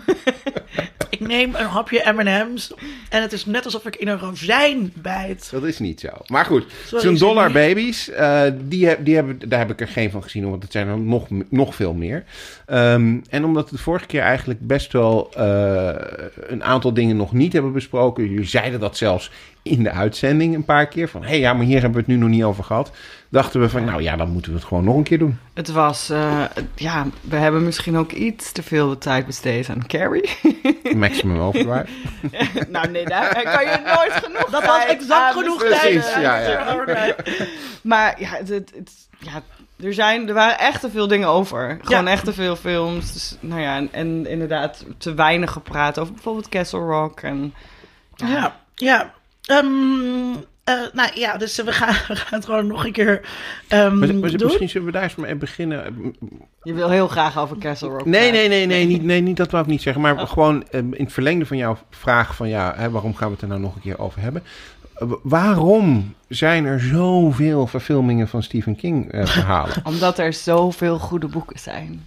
ja, is dat echt zo? Er zijn er wel veel, vind ik. Er zijn wel veel, ja, gewoon originele horrorverhalen. Horror is Mhm. natuurlijk best volgens mij een beetje een moeilijk genre om naar tv of eh, ehm, eh, film te brengen. Dus ik denk dat het fijn is om daarbij heel vaak uit een boek te kunnen... Nou ja, in ieder geval een soort van standaard te hebben. Of een, ja, waar je je kan aan vasthouden. En ik denk dat Stephen King daar wel gewoon heel goed in is. En hij, het is niet één soort horror. Het is, het is heel verschillend. Als je naar Castle Rock kijkt, dat is heel hè, trage, eh, psychologische Mhm. horror. Ja. Als je naar It kijkt, dat is, ja, het is weer heel anders. Als je naar, ik heb Creepshow gekeken vandaag. Ja. Nou, dat was, dat is helemaal weer. Dat is echt een, een, een ode aan. Ik ben even kwijt. eh, Ouderwetse horror, een Ja. beetje George Romero. ja, precies. Ja. Shaun of, of eh, Dawn of the of. Dead-achtige. Maar ook die, die stijl vond ik heel interessant. Dus er is ook gewoon zoveel verschil. Ja, dus het, ja, dat, dat maakt natuurlijk wel gewoon een fijn voor film en televisie. Mhm. Dus er, dat, ik denk niet, het is niet zo'n soort van... eh, het is allemaal goed of zijn. Nee, er zit natuurlijk dat- ook genoeg troep tussen. Ik heb niet zo heel veel eh, huiswerk gedaan in aanloop hier Oh, naartoe. Eh, maar ook omdat ik heel veel dingen gewoon wel gezien, eh, gewoon wel gezien Ja, heb. Ja. Ehm, maar het, dus de films die ik aan het kijken was, waren allemaal zo verschillend. Ook. Dat ik ook echt zat te denken, wat is nou, wat is nou de lijn, Lijn, ja. hierin of zo? En eh, ik moest dus, ehm, ik had, ik had, ik ga het eerst zo, ik ga het, in, het antwoord op jouw vraag zit niet. Waarom zijn er zoveel van deze boeken verfilmd? Is omdat, eh, en daar hebben we het vorige keer ook over gehad. Stephen King werkt met een wat als Mhm. eh, insteek. Dus ehm, wat als. En wat als verhalen zijn heel makkelijk te pitchen bij filmstudio's. Dus wat als er een killer shark is die mensen wil doden. Wat geen Stephen King verhaal is, volgens Nee. mij. Jaws. Ehm, of ehm, wat als er een meisje op school telekinetische powers heeft en zij wordt gepest, dus zij activeert die telekinetische powers. Dat is Carrie. En die what-if verhalen zijn heel makkelijk te pitchen. En eh, dat noemen we binnen de filmtheorie high concept Ja. films. En die kunnen eigenlijk niet mislukken. Dat is het een beetje. Dus je kunt heel makkelijk naar een studiobaas gaan. Je hebt het in, in 90 seconden heb je het gepitcht. En het is zo, weet je wel, wat als we dinosaurussen konden klonen? Oké, waar gaan we, gaan we film maar maken, weet je wel? Mhm. En het is ook het idee dat dus achter blockbusters, dat is ook heel makkelijk te promoten en zo. Eh, dus je kunt het eigenlijk bijna niet mislukken. Het kan bijna eigenlijk niet mislukken. Wat dan heel grappig is. Ik, en ik wilde dus even iets, dat high concept heb ik vorige week geleerd. Dat, dat, Ja, je komt super slim ergens. En nee, maar ook heel grappig. En toen zat ik, zat ik eh, van de week in een gesprek met een jongen die ik heel knap en leuk vond. Oh jee. En toen dropte ik er ook zo even in. Zo, ja, deze high concept. Zo. Ja, doe je voordeel ermee, luisteraar. Eh, maar, ehm, maar wat zo grappig is bij die Stephen King verfilmingen... Het is makkelijk te pitchen, maar bla. Ze kunnen bijna niet mislukken. Maar toch mislukken ze eigenlijk Heel volgens mij vaak, best wel ja. vaak. Cocaïne. Nee, maar er is wel veel, dat zeg maar, er zijn veel verhalen die ook wel gewoon heel moeilijk, lijkt mij, het zijn te verfilmen. Ja, het is, ja, jij zegt cocaïne. Hij heeft natuurlijk een aantal verhalen geschreven toen hij onder invloed van van alles en nog dat wat was. Maar dat maakt voor de Cocaïne, verhalen... nog een beetje bij de Nee, naam, nee, nee, maar ook, ook alcohol. Oh, hè. ook Hij was- Oh, hij ook bijna niet zwaar voor. Cocaïne en alcohol Zwaar alcoholverslaafd geweest. Ehm, ehm, maar dat, Niemand is toch alleen gek- cocaïne, sorry. Dat weet ik niet. Maar eh, eh, gek genoeg maakte dat voor de kwaliteit van zijn verhalen niet altijd Nee, uit. dat is ook. Eh, en er zijn natuurlijk in de jaren 70 en 80 Hmm. heel veel films Mensen. Maar dan zeg jij dat, dat het mislukken van die films ligt aan de Ligt verhalen, maar dat denk ik nee, helemaal nee, nee, niet. dat- nee, ik dacht dat Nee. Natasja dat Nou, indirect wilde- zei, maar goed. wilde zeggen als in sommige van zijn Mhm. verha- verhalen zijn een mes. En dat zou je Ja. dus eigenlijk kunnen corrigeren met de film. En je hebt gelijk, dan gebeurt dat dus inderdaad niet altijd. Nee. Dus En het, het- is het- ook moeilijk gewoon. En het is ook eh, grappig eigenlijk dat het bij Stephen King verfilmingen ehm, lijkt er ook geen middenweg wat mij betreft. Als ik kijk naar, er zijn een aantal ontzettend goede verfilmingen. En er zijn gewoon hele slechte. Welke vind je dan bijvoorbeeld heel slecht? Eh, nou, ik heb Cell deze week even gekeken. Die is met John Cusack, eh, die ook in 1408 eh, speelt. Of 1- 1408, of hoe het dan ja, ook heet. zeg ook wel. Maar in ieder geval, ja, dat is met Samuel L. Jackson en John Cusack. Zou je Klinkt zeggen toch van... als een recipe Ja, voor klink- succes. Als inderdaad, studiobaas klinkt was, als... wat is, de, wat, is de, wat is het high concept? Het- de high het concept is wat als er een signaal door je mobiele telefoon eh, komt... waardoor mensen in een zombies veranderen. en een aantal mensen... Kan niet mislukken. Ja, een aantal Nou. mensen verandert dus in zombies. En eh, eh, John Cusack, wiens batterij van zijn telefoon toevallig leeg was, niet. Want die heeft geen signaal via zijn telefoon gekregen. En daar gaat het film om. Dat is heel slecht gedaan. Er Ehm, bestaan natuurlijk ook zoiets dingen als een director die er niet zoveel van Ja. kan. Een screen of een, eh, eh, hoe noem je dat? Het script dat gewoon vernacheld wordt natuurlijk. Klopt, klopt. En je ziet het ook een beetje in die, die, in die miniseries die voor tv worden gemaakt. Want daar zitten ook dingen bij dat je denkt van ja, dit... Nu zouden we denken van, oh, fantastisch. Er wordt een- tv-serie van The Stand gemaakt door, Ja. eh, met veel geld en goed gedaan. Maar de eerste tv-serie van The Stand, ja, als ik, als ik, zeker als je hem nu kijkt, dat is best wel slecht gedaan. En eh, ja, Ja, je dat- bedoelt de... Ik zeg, ik zie dat altijd als een film. nee, de met die- miniserie van oh, oké, Stand. nee, dan... Nee, nee, nee. Oh nee, sorry, de stand. Ik Ja. haal de stand en de body altijd. Ja, nee, nee, eh, nee. door De body is van- eh, Stand By Nee, Me. Stand By Me is fantastisch. Sorry, Dat is een van mijn favoriete films eh, ooit. Ja, dat is- Maar nee, de, de, de Stand, eh, Ja. als je kijkt naar nee, die miniserie... op een eh, en dat is heel raar. Het is voor heel veel mensen het favoriete Stephen King boek. Het wordt ook wel zijn meesterwerk genoemd. En die miniserie... Door wie? Nou, door eigenlijk als je gaat zoeken naar de beste Ja. Stephen King boeken... dan staat dat er altijd het bovenaan. is ook het beste, vind ik Eh, ook. ehm, maar als je naar die miniserie kijkt, dat werkt op de een of andere manier niet. Ik denk dat dat overigens wel kan. Ik denk ook dat die nieuwe serie waarschijnlijk best wel goed zou kunnen zijn. Maar, maar deze, Maar met ziet- dat budget, en, en- en is het gewoon niet goed gelukt. De Dark Tower is bijvoorbeeld ook, Ook een fantastische eh, serie of reeks van boeken die echt hartstikke leuk zijn om te lezen. Ook weer heel anders dan de, de standaard horror of gewoon wat Mhm. King doet. Maar die film, ik denk dan, is dat dan gewoon geld willen verdienen? Is dat dan, waar gaat dat, alles in één film doen? Snap ik sowieso niet. Dat kan niet Ja. met Nou, ik denk dat bij de Dark Tower het, het, het, het DC-effect eh, meespeelde. Wat Marvel zo goed heeft gedaan met die films is het opbouwen, de tijd nemen, eh langzaamaan dingen introduceren en dan zo'n heel universum uitbouwen. DC heeft dat helemaal verkeerd gedaan. Door inderdaad alles in één film. Ja. En dan de volgende keer moet nog alles erin. En dat is bij de Dark Tower denk ik ook fout gegaan. Je had dat natuurlijk ten eerste überhaupt misschien moeten nadenken of het werkt als film of serie. Ehm, en inderdaad, ook daar zit weer gewoon te veel in die eerste film, wat gewoon niet de tijd krijgt om te ontwikkelen tot, tot wat het zou moeten zijn. Daartegenin wil ik brengen Ja. dat er ook films zijn. Ik ging dus eh, Christine eh, kijken gisteren. Fantastisch. Die is echt goed, hè? Ja. Oh, zo. Nee. Jawel. Oh, Nee, weet je, het duurde dus echt zo. Die aanloop is zo Ja, dat is lang. Dus het duurt pas na ruim 40 minuten op 100 minuten speeltijd. Ik heb ja. opgeschreven. Eh, dat, pas dan gebeurt er eh, iets. Of Dat- dan zie je eigenlijk, of die, die bovennatuurlijke kracht, spoiler, bovennatuurlijke krachten die die auto heeft. Ja, spoiler na 40 jaar. Ja, precies. Ehm, en, Maar dat ehm, vind ik juist het knappe aan die film. Dat je dus. En, en, eh, als ik, maar, dat, maar dat heb ik dus de hele tijd als ik. En dat we dus ook waar we het aan het begin over hadden met It. Ehm, Iemand toen noemde ik trouwens It 2 de Marvel, zeg maar, ding van de soort clown-Marvel combinatie. Oké. En dat vind ik echt een belediging, want ik hou niet zo van, Marvel Marvel. films. Ja. Maar ik snapte wel wat het Ja. groot uitgepakt. Maar eh, vooral naar de grootheid gekeken en niet zozeer naar de character development. Of dat hele kleine, hè, de, de, de nou ja, kleine Ja. stukjes in de... Maar ik, zat- ik zat dus nu bij, bij eh, eh, Christine. Mhm. Ehm, de eerste, dit was ook veel minder eng dan in mijn herinnering. Dus Mhm. toen ik het voor het eerst keek, en dan is die spanningsopbouw misschien, doet het wel toe. Als je niet weet wat er, wat het, wat, wat er, wat er gaat gebeuren, wat er is. En nu dat ik echt, oh, duurt lang, duurt lang, voel niks, duurt lang, voel niks. Duurt lang, oh, oké, en natuurlijk dit gaat er gebeuren. Ik vond het heel voorspelbaar. En dus de...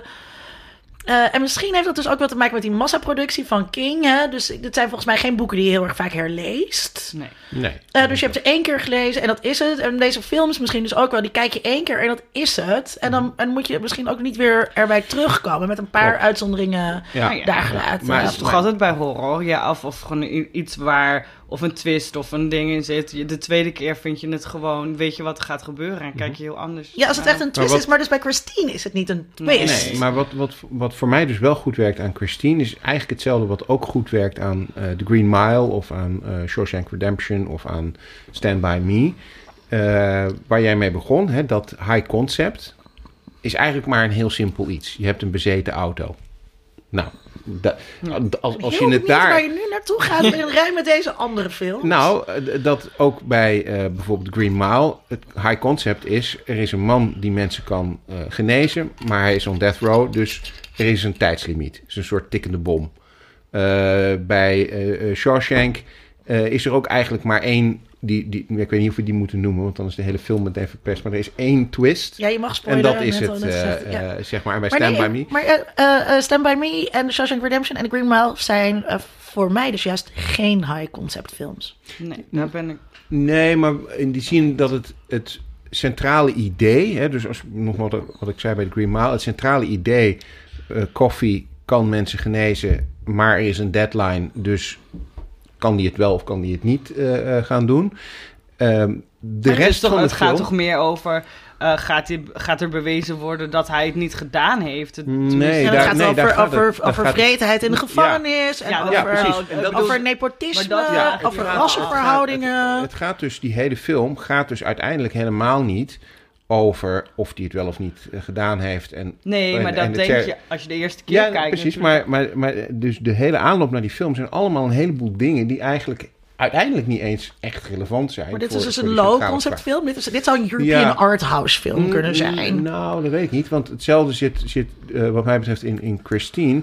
De eerste aanloop, de aanloop naar het moment dat je erachter komt dat die auto bezeten is, is allemaal eigenlijk character development. Het is allemaal laten zien van wie is die jongen, waarom is er eigenlijk zoveel gedoe met, met, is- met in, hem de en eer- die is- auto. in de eerste scène is dat, is dat eh, neergezet.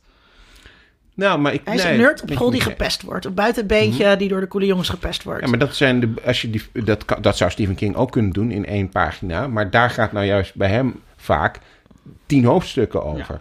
En daarom vind ik het juist wel een goede Stephen King verfilming. Want dat, dat is precies nou wat hij in die boeken... Daarom zijn die boeken ook zo vreselijk Ja, maar er lopen even verschillende dingen door elkaar. Dus je kan het wel een goede Stephen King verfilming vinden. Maar ehm, daarom zei ik, ik ben zo benieuwd waarom je de vergelijking maakt met die andere films.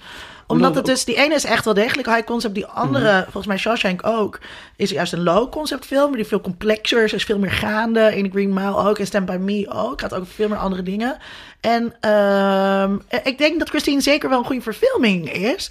Maar, en dat is dat ik denk dat het boek ook wel goed is. Maar het is eenmalig. Terwijl Shawshank kan je ook meermaals kijken. The Green Mile kan je ook meermaals kijken. Omdat er dus meer in die film zit waarin je op één kunt haken. Ja, maar daar, ik ben het wel eens. Bij Christine zit er wel. Gaat het eigenlijk ergens anders over dan die auto? Dat, dat is wat Mhm. je bedoelt, toch? Dus het is, het is wel wat als, maar er zit wel een, een lijn in. En ik vind dat je. Er zit geen what if in Shawshank. En zo, hij Ja. begint zo, maar hij heeft wel een andere, ja, zeg maar. Onderlaagje, Christine. En eh, volgens mij is het, is het gewoon heel duidelijk bij de Green Mile dat het direct al wel veel meer is dan alleen maar heeft hij het gedaan of niet. Ja. Want ik wou vragen. ehm, ehm, nou, ja, dan zijn we klaar op dat punt van die lange aanloop. Dat, Ja. ehm, ja, maar eh, ik vond trouwens ook dat er in de Green Mile ook een lange aanloop zat. Sowieso vond ik die film vet veel te lang. Die is dus gewoon een half uur langer dan Once Upon a Time in Hollywood. Ja, ik Ja, heb ja, ja, maar ik hou- moeite mee. Nee, ik ook niet. Omdat, omdat daar zit, dat zit er precies in wat ik net zeg. het is het nodig zijn ook- bij deze Het, zijn, het is nodig. Het is enerzijds nodig, anderzijds niet. Want er zijn ook een heleboel dingen Ik ben een notoire lange filmhater. Hè? Dat die je eruit zou kunnen knippen zonder dat het verhaal Ja, op zich beïnvloedt. Maar het is de ervaring van, van die dingen die er gebeuren. Net zoals dat in zijn boeken ook de ervaring is van een, een, een tien pagina's lang een, een soort herinnering over iets wat eigenlijk helemaal niet zo heel erg belangrijk is voor het verhaal. Maar wat wel heel interessant is om te lezen en om, wat, wat je ook geboeid Maar houdt. in een boek vind ik dat echt anders. Ja, maar dat hebben ze bijvoorbeeld in The Green Mile en in Shawshank hebben ze dat heel goed gedaan, vind ik. Omdat het daar ook blijft boeien. Ik bedoel, en uiteindelijk, Shawshank is denk ik daarin misschien, steekt er nog wel het meeste bovenuit. Omdat uiteindelijk daar al die dingen hè, over de bibliotheek en over eh, eh, zijn zijn hamertje en dan weet ik veel wat.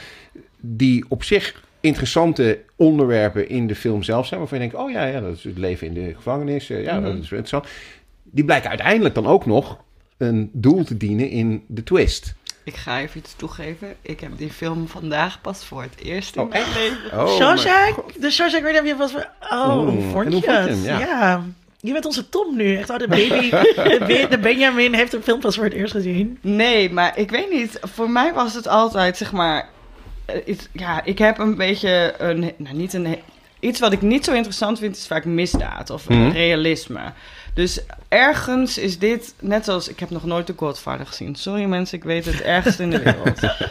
Eh, maar dat, dat zijn gewoon van die Ik films heb die ook wel eens heel laat gekeken trouwens. Hm. Die boeien me niet direct, weet je wel. Deze Dus zijn dan- te fiets om in het midden te zetten, deze M&M's. Ik eet er nog vijf, maar ik hoef ze niet voor mijn neus bedankt, Sidney. Dus, en ik vond het een ontzettende goede film. Maar Mhm. ik vond het ook wel gewoon... Ik begrijp echt niet zo goed waarom dit op nummer 1 op van, tweede, eh, van de IMDb top 205 you. Ik wel, ik wel. Ik vond het echt goed hoor. Ik Ja. vond het echt mooi. Het, het verhaal liep en het, wat je net zegt... Het, Prison Life en oh, ik vond het echt indrukwekkend. Maar ik dacht wel, nou ja, ik, ik kan zo, weet je wel, dit is niet het beste wat ik ooit gezien heb of zo. Maar misschien, ik, is, is het sentiment, wat, wat maakt, want ik vroeg dit Mijn dus aan mijn was partner. dus, ja, Waarom is dit nou de nummer 1? Waarom is dit nou de allerbeste Omdat, film aller eh, tijden? Omdat het een combinatie is van, van eh, de beste dingen eh, in een King-verhaal, denk ik. Ehm, sommige van die films die hebben gewoon een hele goede aanloop en die zijn, zijn gewoon mooi en interessant. En, hè, zoals bijvoorbeeld Stand By Me, dat is gewoon... Daar, daar, uiteindelijk gaat het ook helemaal niet om, die, om dat lijk of wat dan ook, maar het gaat gewoon om die ervaring van Ik die wil jongens. niet et kijken in een wereld waarin Shawshank Redemption wordt gezien als een betere film dan Stand By Me. Nee, eh, maar dat, vind, dat heb ik ook niet gezegd. Want ik, ik Maar dat vinden deze Stand mensen By blijkbaar Me vind. Ik, vind ik ongeveer een van de beste films ooit gemaakt. Eh, maar de Shawshank Redemption, denk ik, waarom wordt die nou zo hoog eh, aangeschreven? Omdat hij, los van dat hij dat hele verhaal dus laat zien, lekker rustig... en dat je er echt bijna het gevoel hebt alsof je een boek aan het lezen bent... terwijl je die film eh, kijkt. wat ik net al zei, al die elementen vervolgens dan in de twist samenkomen. En dat is het, de slimmigheid, waardoor ook de kijker heel erg beloond wordt van... Oh, wacht eens Maar eventjes. dit is toch geen Dit heeft twist? allemaal- nee, vlucht- ja, oh, of, pardon dat- voor de... Ja, nou, dat, voor, voor de dat- andere Natasja's van deze wereld die de film nog niet gezien hebben. Maar, had maar, het is ook geen ken jij het verhaal dan al? Want, Ja, je ja precies, want dat is, dat is het dat punt. hij zo uit in de modder eruit... Dat is Ja. wel ook ge- in andere films als een soort parodie Ja, gedaan. ja, dus ja, ik ja. wist Nee, wel... maar ook als je dat voor het Maar- eerst ziet, is dat geen twist. Ik vond... Ik dacht, de hele film... Oh ja, dat, eh, die poster hangt natuurlijk daar niet voor niets, hè. Maar dat komt misschien ook omdat wij in een andere tijd leven... waar we constant naar twists aan het zoeken zijn. En Want ik denk dat dat wel uitmaakt. Want ik, want ik denk namelijk dat... Die, nou, even los van het feit of niemand die twist zag aankomen. Want dat geloof ik ook niet. Maar dat het idee dat al die dingetjes ja, het is mooi. dus samenvallen. Ja. Terwijl je in het kijken dacht van... Oh, dat is gewoon weer een interessant element van het maar uh, dan ben je een rare kijker. Ik bedoel, als Nou, kijker weet je toch ik ook dat geen enkele mus van het Nou, dak valt ik- zonder dat er een narratieve functie is. Nou, ik denk dat wij daar wel iets uit, zeg maar... nee, een beetje- Shawshank is uit welk jaar in de jaren negentig? Vier. Nou, ik denk... 1994. Ja, Ja. toen hadden we al, weet je wel, dat, dit was de tijd van, eh, van eh, I See Dead People. En eh, Mhm. Dat is wel waar. ja. dus al die films hadden dit. Dus Hm. ik, nee, dus ik, ik vond het helemaal niet. Maar wat zei, eh, wat zei jouw partner? Nou, die weer, dat, hij ehm, vindt dat dus ook. Hij vindt, Ja. dat, ne- hij vindt ook dit echt een goede film. Maar hij kon ook niet precies helemaal uitleggen waarom dan. Het is gewoon ook volgens mij gewoon, het gevoel wat je bij deze film... Wat jij zei van, Mhm. het lijkt alsof je een boek leest. Dat, vond ik, dat vind ik echt heel Want het is inderdaad... ehm, het is bijna een soort kalmerend of zo als Ja. je deze... Maar wat ik dus wel een beetje miste was dat ik... Ik werd ook nergens echt geraakt. Dus ik, ik, ik vond het ook niet... Weet je, ja, ik dacht nergens... Wauw, dit pakt me nou helemaal zo erg... dat ik helemaal meeleef met deze mensen. Ik vond het Had je dat bij de, de Green Mile dan bijvoorbeeld wel? Oh man, Ja. toen ik dat keek, toen ik jong was, eh, dat is toch altijd janker? Dat Ja. is toch een film waar je gewoon... Extra jingles. Ik Altijd. vond, ehm, Oh my God. ik vind The Green Mile...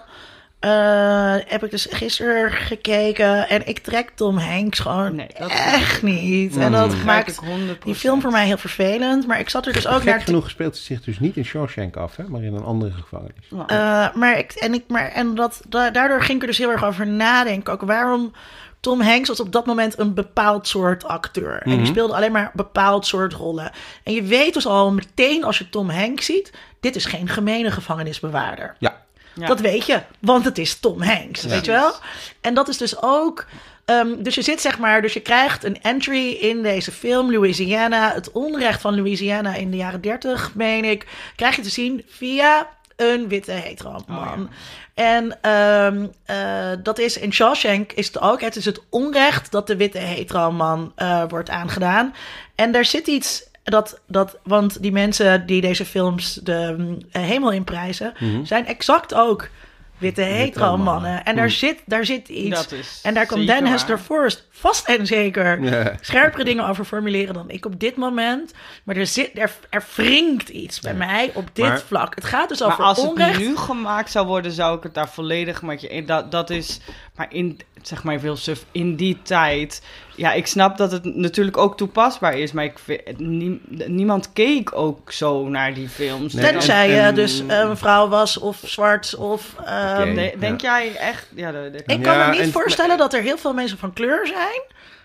die Shawshank Redemption op nummer 2 zetten van de beste films aller Nee, tijden. dat denk ik ook niet. Maar En ook The Green Mile niet. Stephen, Stephen King zelf was, eh, is denk ik een stuk woker geworden eh, Ja. eh, de recentelijke tijd dan, eh, dan maar destijds. dat is Want- denk ik iedereen. Ja, dat is Ja. iedereen. Daar hebben we eh, het vorige keer ook over gehad en Ja, zo. Maar dus was- mijn punt is niet zeg maar dat, er, dat, er, dat racisme in de jaren negentig niet anders was. Natuurlijk was racisme in de jaren negentig anders. Maar ik denk dus dat voor heel veel witte jongens deze, film zo, deze films, meervoud, zo fantastisch waren. Omdat het, omdat het eh, iets zei over hun ervaring van onrecht. Waarbij het Ja. onrecht dus beleefd wordt via, via witte man. En daardoor kon dus, daar, kon dus daar iets mee. Het is net als, ik vind dat heel interessant. Braveheart is de favoriete film van christelijke mannen in Amerika. Want het zegt iets over Nooit geweten dat kostwinnerschap. ik een christelijke man in Amerika was. Nee. Maar het zegt dus blijkbaar iets over kostwinnerschap. Terwijl dat is natuurlijk helemaal niet wat Mel Gibson daar aan het doen is op de Schotse, Schotse hei. Ja, de Schotse. Ja. Ehm, maar die mannen herkennen daar dus iets in. En die herkennen Het- het in van Mel dat- Gibson kun je trouwens dat- ook in de veiling eh, kopen. Echt een van mijn guilty pleasures qua lievelingsfilms. Die film heb ik, ja, die kan ik echt kijken tot en met. Ja. Zo'n heerlijke film. maar ik ben toch ook geen witte Chris. Verre, verre van een witte Dan Chris. Nee, freedom. Maar waar kom je eigenlijk en wat voor soort gemeenschap ben je eigenlijk opgegroeid, Natasja? Ja. Ja, hey, een Schotse hooglands... eh, In een, in een, in een, in een, in een christelijke, christelijke... Nee, maar dus... Ja, ehm, nee, ik snap wel wat je bedoelt. hoor. Ja, dus... dus eh, maar, Maar waarom is dan Stand By Me anders? Want dat, zijn ook, dat is Mm. ook zo ontzettend wit en met, met vier kinderen. In de, dat is ook Midwest of wat is dat? eh, Ja, maar daar zit- daar hebben jullie vorige keer op zich eh, wel al iets over gezegd. Ik denk dat Stand By Me ook wel echt een jongensding is. het is te gay. Het is ook gay, Oh, ja. inderdaad. Er zit zeker, zeker een homoerotische subtekst eh, in. het Ehm, is te gay voor al die jongens om dat zo hoog omhoog te stemmen in zulke soort nou, en daarover, dan, dan is het misschien goed Is om het dan even ook nog over... over Want ik vind, ik vind het echt, echt een veel betere ja, film. de- ik ik ook. ook, zijn het hoor. Nee, we het allemaal Ja. over eens. Maar ja, wij zijn alle ik drie ook. geen, Ja. geen hetero man. En dat komt ook denk ik door de, de, de, door de acteurs in Stand By Me. Dat zijn veel kwetsbaardere, ehm, ehm, minder stereotype heteroseksuele eh, eh, acteurs dan in, in, in Ja. die andere films. River Phoenix, altijd een beetje een, een, een fluïde iets over zich gehad, vind ik, als acteur. Ik val even Eh, in katzwijm. ja, natuurlijk. Iemand de Eh, naam River Phoenix zei. nou ja, eh, Will Wheaton eh, was natuurlijk ook eh, absoluut geen eh, macho eh, jonge, Nee. jongeman. Eh, dan had je nog eh, die jongen die later, eh, Jerry O'Connell, die later enorm gespierd en eh, eh, zo is geworden. Die toen een kleine dikkertje speelde, was ook niet echt een eh, super macho. En dan had je nog... eh eh, En de macho's zijn er, zijn er, zijn er, dat de macho's zijn gemene oudere jongens. Ja, Kiefer Sutherland onder andere. Ja. Ja. Hey podcastfan, wat doe jij op 28 september? Kom naar het podcastfestival. Een dag vol workshops, liveshows, panelgesprekken en nog zoveel meer. Wereldberoemd podcastproducer Tim Howard van Reply All geeft een keynote en je kan meedoen met een pitchwedstrijd. Stuur jouw podcastidee voor 20 september in en wie weet maak jij binnenkort je droom waar. Kom op 28 september naar de Tolhuistuin in Amsterdam. Meer weten? Kijk op podcastfestival.nl. Hé, maar... ehm, Even... op- op- Nee, maar- ik, ik, ik presenteer. Snap ik, maar... Ehm, maar kan het zijn ook dat, eh, want deze films, The Stand By Me, maar ook Shawshank en, en The Green Mile, gaat eigenlijk ook niet zo heel erg over het bovennatuurlijke. Wel een deel, maar ook niet heel Hmm. erg. Ehm, zou dat ook een reden kunnen zijn waarom dat dan toch wel de, de, eigenlijk de meest populaire films zijn? Dat horror, jij zegt ook al de hele tijd, horror is een moeilijk genre. speelt wel mee, want je ziet het ook met eh, Misery en eh, Dolores Claiborne en eh, dat soort films. Dat zijn Ja. de films die veel beter scoren, Ja. althans scoren in de zin En van... Misschien kritiek. omdat mens, menselijk gedrag veel enger is dan Ja. een CGI clown. Nou, Ja. sorry. Of in ieder geval hè, hele enge monsters waarvan je toch ergens weet van... Hè, dat je toch, als je mensen erge dingen ziet doen... Ja. Oh ja, dit Ja. is wel Mhm. iets... Hier kan ik me nog wel een soort van iets bij voorstellen... hoe erg en naar dat is. Menselijke horror is altijd erger. Ik wil- Mensen ik- zijn Ik wilde nog even naar dat... Het, het- het- we, hadden, we hadden het heel even vast, het homoerotische van, eh van Stand By Me. Wilde ik nog even naar de app Pupil.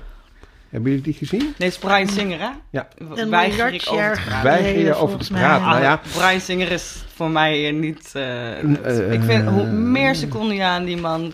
Leg even uit, Natasja, waarom jij het er niet over wil hebben. Dan ga ik ondertussen even opzoeken waar die film over ging.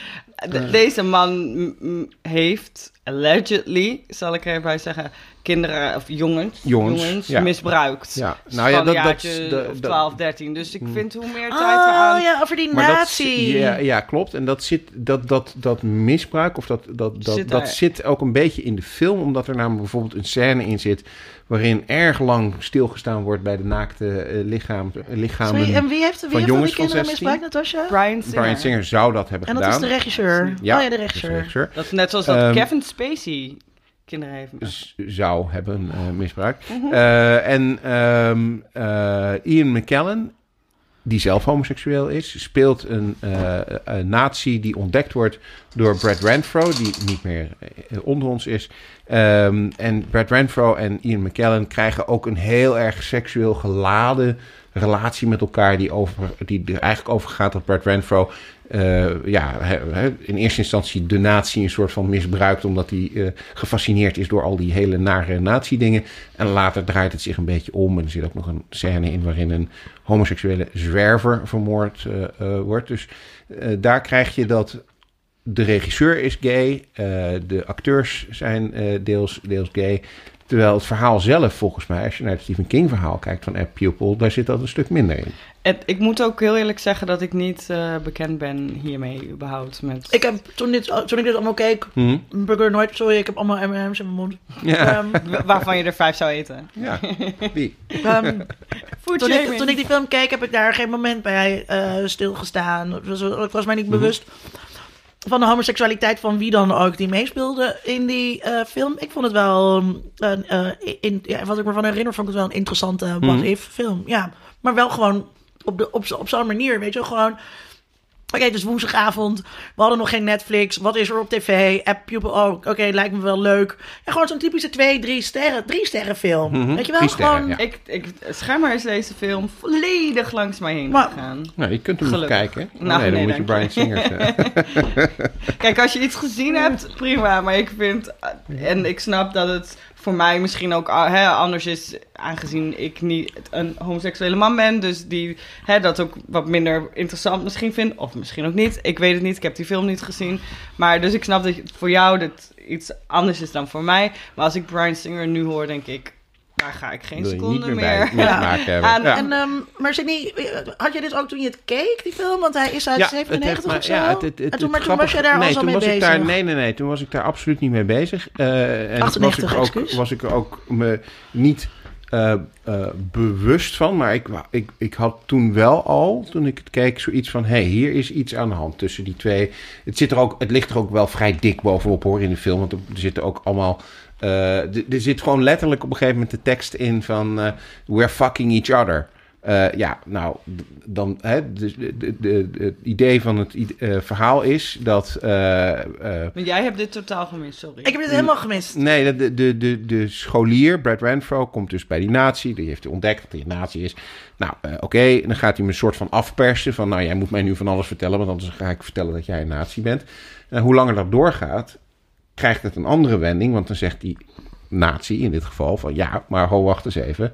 Als jij vertelt wie ik ben, dan weten mensen ook dat jij al zo'n lange tijd met mij omgaat. En dat jij die fascinatie met mij hebt. En dan zegt hij dus van, dat eh, zie, we're daarin zie jij een metafoor voor een pedoseksuele relatie tussen... Ja, dat, zit er heel, dat ligt er ook wel heel, heel dik bovenop. En nu achteraf met, met het hele Brian Singer verhaal erbij... krijgt het nog creepier eh, ondertoon. Maar waarom zou Brian Singer dat in een film willen stoppen, denk ik dan?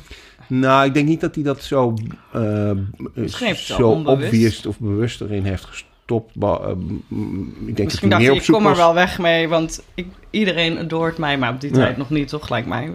Brian Singer was nog niet...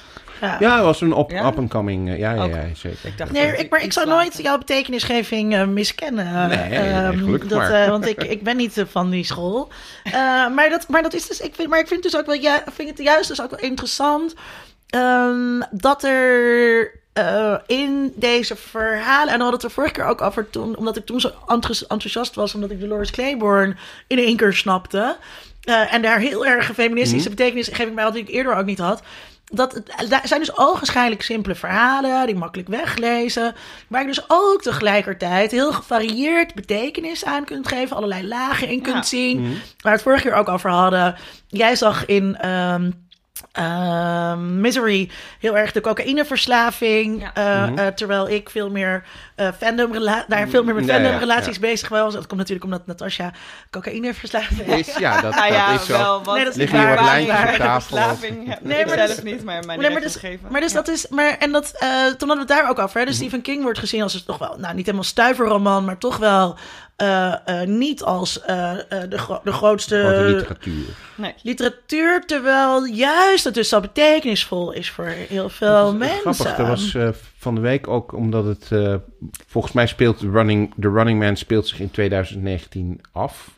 dus dat zal wel de reden zijn dat er opeens aandacht eh, voor, voor die film in was. 2017. Ja, dus, maar, maar ja, het begint in 2017 en dan gaat hij 18 maanden de gevangenis in. En als hij dan ontsnapt, dan zitten we dus 18 maanden na het moment in 2017 dat de film begint. Dus vandaar dat het idee is dat het zich in ne- 2019 grotendeels afspeelt. Ehm en eh, daar was dus een heel artikel ook over van welke voorspellingen in de Running Man zijn nou uitgekomen. En eh, het is wel grappig. Kijk, je moet natuurlijk het allemaal een beetje eh, oprekken om het, om het echt Ja. te willen zien. Maar, maar de dingen zoals deepfake video's, en dat is echt wel een ding wat in die film ook zit. Hè? Want daar wordt in die film ook heel erg gebruik van gemaakt. Van nou, we gaan nu een soort fake eh, video laten zien van iets wat er gebeurd zou zijn om deze man in een kwaad daglicht eh, te stellen. Ja, dat is natuurlijk iets wat je tegenwoordig gewoon zou kunnen doen. En Sterker nog, wat ook gebeurt. Ehm, en wat ook wel interessant was, dat, daar moest ik aan jou denken, eh, dat hij dus voorspelt dat in 2017 of 19, hoe je het wil zien, ehm, reality shows de grootste eh, eh, eh, publiekstrekker op televisie Zo zat hij er even naast. Ja, is dat zo? Want volgens mij kijk nog steeds, als je het hebt over gewone televisie, kijk niet Netflix, eh, HBO, dat, maar gewone televisie. Volgens mij Oh. zijn het allemaal reality shows, toch? The Bachelor is volgens mij een van de grootste programma's in Amerika. Dus, Ja. eh, Nee, nee, nee, nee. En- nee. nee dus een reality, Survivor En- is en- nog- en- nee, Ja. reality wordt heel veel bekeken, maar dat zijn niet de best bekeken eh, programma's. Dat zijn, dat zijn nog steeds eh, fictieseries, dus dingen als. NCIS. En zo. Ja, en. Grey's Anatomy. en wordt, zo, dat ja. wordt meer bekeken. En Maar het is echt- nog steeds wel, ik bedoel... Dat is echt een reden waarom, waarom Netflix zoveel geld heeft betaald voor Friends. En, Nou ja, eh, We, we eh, kunnen... nee, dus reality spelshows zijn best wel op hun retour.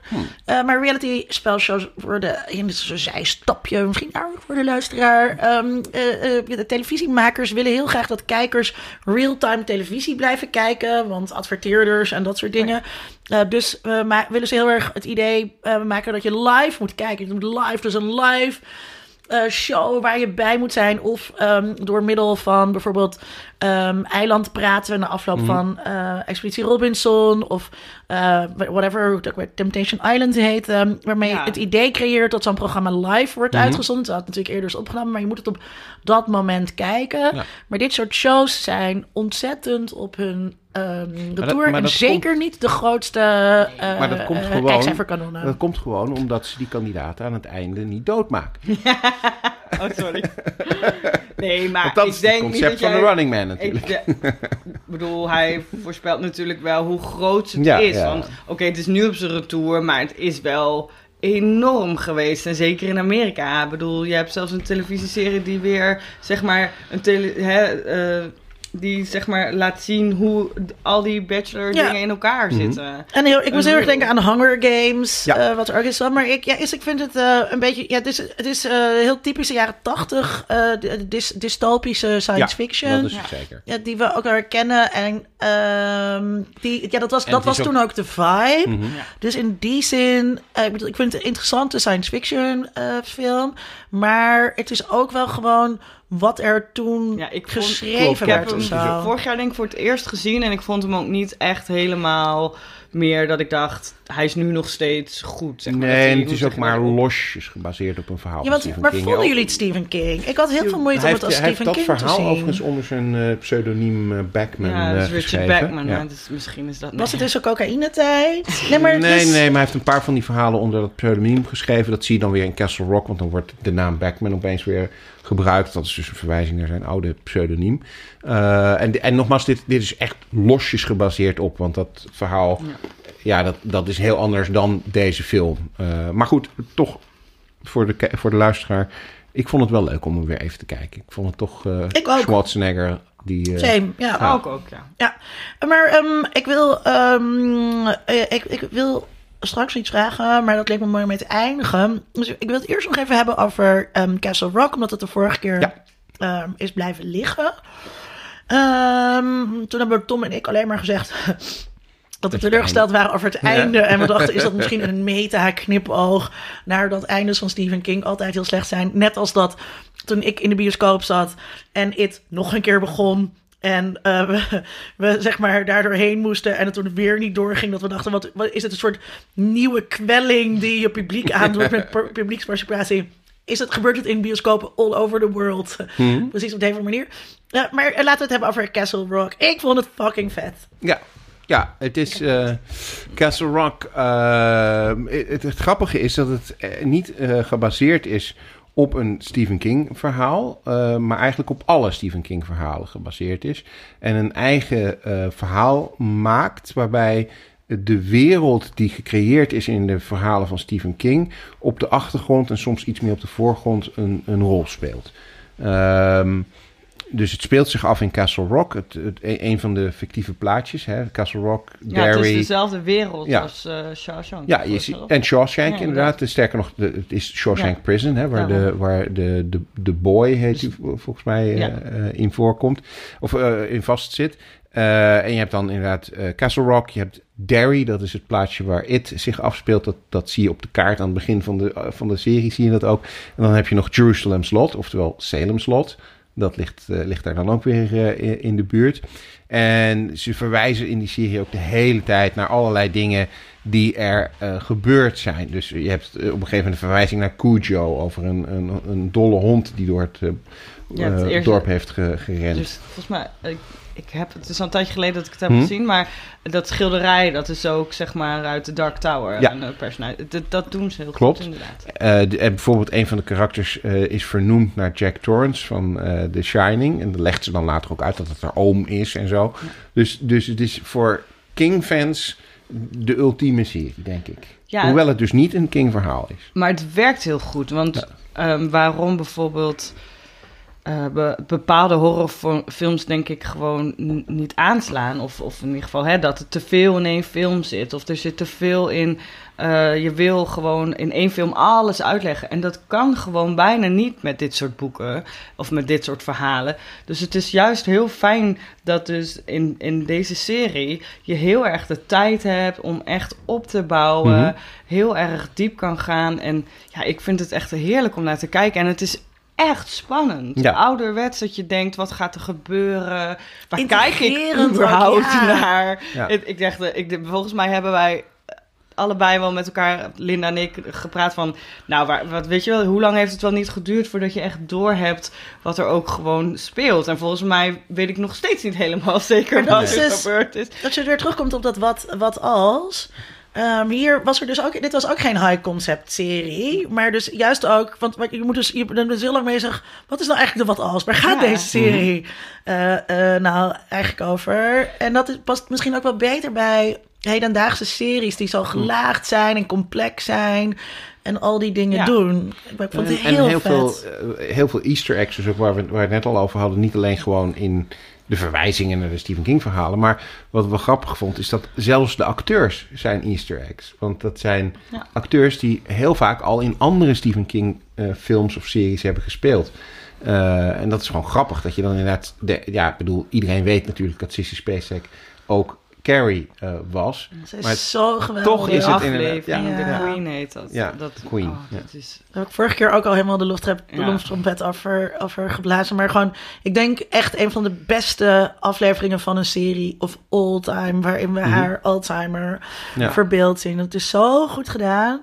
Maar, ehm, en het is, kijk, het is leuk voor de, voor de geeks dat al die Easter eggs erin zitten. Maar als je dat, als je dat niet, eh, als, je, als je daar niet in geïnteresseerd bent of je hebt niet zoveel Stephen King hebt gezien. Dat doet niet Dat af. maakt Nee, het helemaal- het ja. kan, kan het dus ook een beetje tacky maken als, als er geen diepte in zit. Of als er geen, weet je wel, echt een heel goed, goed verhaallijn of Ja. characters in zit. Dan denk je, ja, dit is gewoon allemaal een beetje om hè, geplezierd te worden voor de king. Maar dat is het dus absoluut niet. Het, is, het heeft echt waarde, maar het is niet een soort van... eh, Oh, kijk, haha, dit is een, eh, dat, dat is een leuk schilderijtje, weet je nog? Ja. Mhm. En dan dat, het, da- dat dat dan het ding is of zo.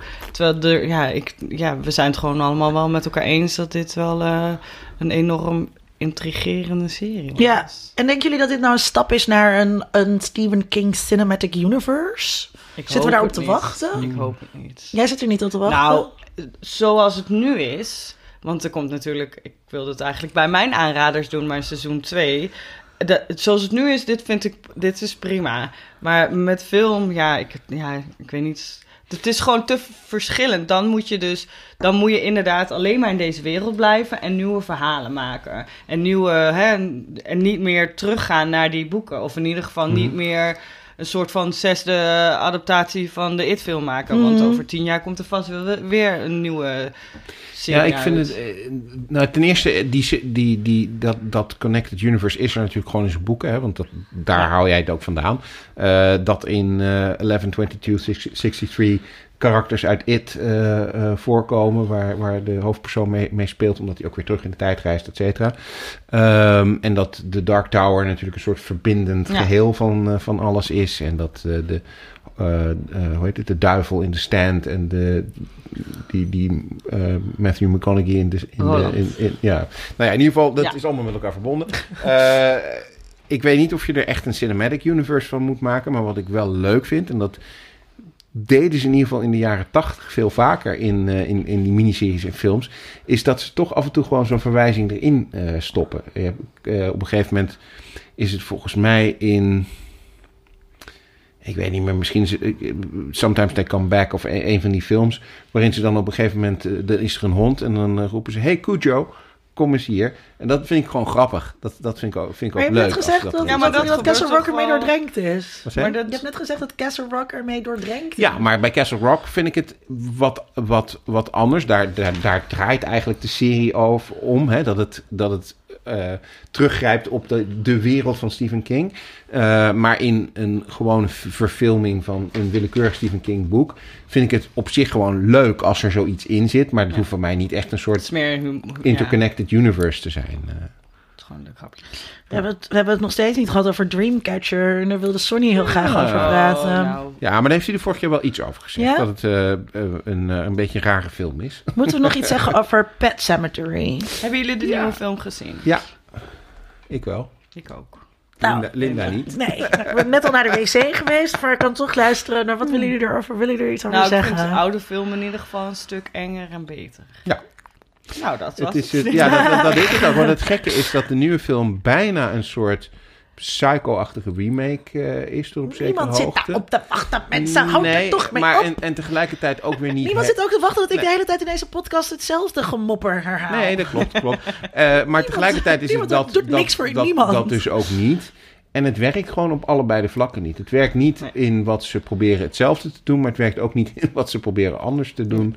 Het werkt gewoon niet. Het werkt gewoon niet. Nee. Nee. Ja, het werkt En de originele niet. film, nogmaals, ondanks dat die wel gedateerd is, want ik heb hem toch nog maar weer eens herkeken, eh, maar die werkt gewoon wel Ja, heel goed. En die heeft een bepaalde eeriness. En het- Ja. echt dat je, oeh, dat je toch, al denk je inderdaad, dit, werkt, dit is een beetje gedateerd, denk je wel echt, oeh, die kinderen zijn met een potje creepy. Ja. Maar ik vind dus ook wel, als ik denk aan, aan Stephen King, ja, dan, dan heb ik het ook wel heel erg in de jaren 80 en 90 of zo. Dus ik zat ook net door de lijst te kijken. Terwijl dacht- volgens mij nu meer dan ooit zijn films en eh, Zeker. zeg maar, zijn boeken naar Ja. films en Maar dat zegt natuurlijk ook iets over mijn eigen opgroeien met, van- met, zo, met zijn films. Ik moet ook denken echt Ja. aan The Lawnmower Man bijvoorbeeld. Wat ik echt, Ja, wat, wat heel maar dat vond klassieke Stephen Stephen King, King is. ja, maar dat vond Stephen King zelf zo slecht dat hij zijn naam van de film heeft laten verwijderen. dus eh, Ja, ja maar dat is... Ja. Maar hebben jullie bijvoorbeeld, dan toch eventjes over de slechtere... Hebben jullie Sleepwalkers gezien? ja. ja lang geleden. Is lang geleden. Alice Creek. Dat, is, dat gaat over een moeder en haar zoon. Die een heel erg creepy ja, ja, ja, met een beetje een oh, ja, ja, ja, ja, ja, ja, ja, ja, Lang geleden ben, ik ben ik niet voor niets vergeten, geloof ik. Nee, dat denk ik ook. Uh, een beetje een was sowieso altijd vet tof. Ja. En ik vind, nou, maar ik hou dus heel erg van, eh, oh, en Brian Krause, die, Ja. wie was hij ook alweer? Hij speelde, ga ik even opzoeken. Maar ik hou dus juist heel erg van, eh, Incest? oh, in Charmed. hij speelde Leo in Charmed. Oh, ja, ja, ja, ja. Ehm, ik hou, daar hebben we het vorige keer ook zo over Maximum Overdrive gehad. Juist. Ik hou dus ja. ook wel van, van de slechte dingen Juist. in het Ja. oeuvre. Dat juist, daar moet het juist ook over Ja. gaan. Nou, dat is, was slecht, dat is het grappige. gewoon, Over de top of zo. Over de ja. top, ja. Maar dat is het grappige van- inderdaad van Sleepwalkers. Want het is gewoon... Het is een slechte film, daar kunnen we heel kort over zijn. maar hij zit voor mij toch inderdaad nog net aan, het, het, aan de kant van dat hij zo slecht is... dat het gewoon best wel leuk is. Ja, dat vind ik dus Eh, ook. Er er zitten ook special effects in die eigenlijk heel slecht zijn. Maar van de andere kant, je denkt, ah, ja, het is wel wat. En ook die creepy incestueuze relatie Maar, en zo. maar, dus Ja, ja, ik van, moet, maar ik moet dus echt terugdenken aan, weet je wel, dat, het- dat het al vroeger Veronica Filmweek Ja, was. ja, ja, ja, ja, Nee, ja, mij Maar filmen. dat is inderdaad meer nostalgie dan... Nee, maar dat En je Mark dus ook- Hamill zit erin. Maar dus had je ook... ehm, ehm, je hebt gewoon verschillende type films. Net als dat je verschillende type series hebt. En niet alle series kunnen Breaking Bad Nee. zijn. En Oh, soms nee. moet je ook andere dingen kijken. Soms moet je troep kijken. Soms, om- ja, Ik of vind- troep maar- tussen dikke aanhalingstekens. Ja, Welke- ja, dat, ja. is mijn lieveling. Het is de troep Ja. tv is echt, kijk ik Maar zo welke, gewoon in welke andere film is een huis omringd door 60 poesjes? En zijn de poesjes, de katjes, de... de Daarom is het heel eng voor staat zijn, zijn, zijn, zijn, zijn degene die, de monster, die het monster kunnen. Het is echt zo bizar. De, de Wil je enige- zeggen over de vallus en, Nee, en de vagina Nee, maar en het- het- tata het- die de vallus enige- aanvallen? Nee, helemaal niet. Maar het, e- het enige wat deze monsters kan doden... Zijn een als keertje vrouwen in meerderheid? gekrapt worden door een poes. Dat Ja, is echt... ja, dat is bijzonder. Dat is wel Ja. creatief, zullen we Ja. het maar noemen. Oké, ik wou, ik wou eh, een vraag stellen, eigenlijk een beetje om met Natasha te pesten. Oh. Zit Kom maar er nou een rode draad in het werk van Stephen King? Is er een hogere betekenis? Is er een moraal? Nou, er zit wel heel vaak een goed tegen kwaad Ja. verhaallijn in, volgens mij. Hè? D- ja, dat, dat is voor mij denk ik het grootste. Maar nee, ja. Maar ook niet echt dat goed altijd het kwaad overwint. Nee, nee, zo. nee. Maar dat, Ja. dat, het heel, dat het duidelijk twee kanten zijn, weet je wel. Je Mhm. hebt een, Oh, zo, ja. meer, weet je, nee, nee, niet, niet dat goed altijd overwint, Nee, maar meer goed en kwaad zijn wel herkenbaar als goed en kwaad. Ja, het is Ja, een beetje toch? christelijk, hè? Ja, ja, een beetje christelijk. Best een beetje christelijk. Ja, er zit heel vaak ook verwijzingen naar Heel God en religie en zo in. Eh, ja, er Oh, zit, zit, het zit zit, heel- zit iets ik christelijks. denk niet aan Maximum. Overdrive. Ja, ook dat. Nee, ook dat. maar dat, dat, ja, dat, dat, ik denk dat dat een van de, ja, En, en, en, en de hoofdpersoon is bijna altijd een schrijver. Dat, ja, ja. er zitten veel schrijvers in. Ja, maar dat hebben we Eh, vorige keer uh, we daar volgens mij ook over gehad. En toen zei ik iets van, ja, maar eh, weet je, als schrijver haal je ook... Je hebt inspiratie nodig, weet je. Ik bedoel, hoeveel miljard boeken heeft die gast nog niet geschreven? Dan denk je, nou, oké, zal ik nu eens over schrijven? Nou, oké, een schrijver weet niet waar hij over moet schrijven. Ja. Ja, weet je wel, dat is ook... Dat, dat, dat je haalt inspiratie uit dingen... Je schrijft over wat je weet, dan kent je, kent je eigen leven als schrijver. Maar wat ik altijd wel... Ik vind een aantal van die schrijvers zijn gewoon hartstikke goed en interessant en leuk. Eh, en ook verschillend van elkaar. Maar je hebt ook een aantal van die films waar ze in, in feite gewoon proberen om een soort Stephen King er neer te zetten. Dus dat John Cusack zich dan ook eh, kleedt als Stephen King of zo. Ik, ik Eh, vond dus... dus- eh, ik weet niet of we daar vorig jaar over gehad hebben, over eh, Rear Window. Ja, Rear Window ook. Secret Window, sorry.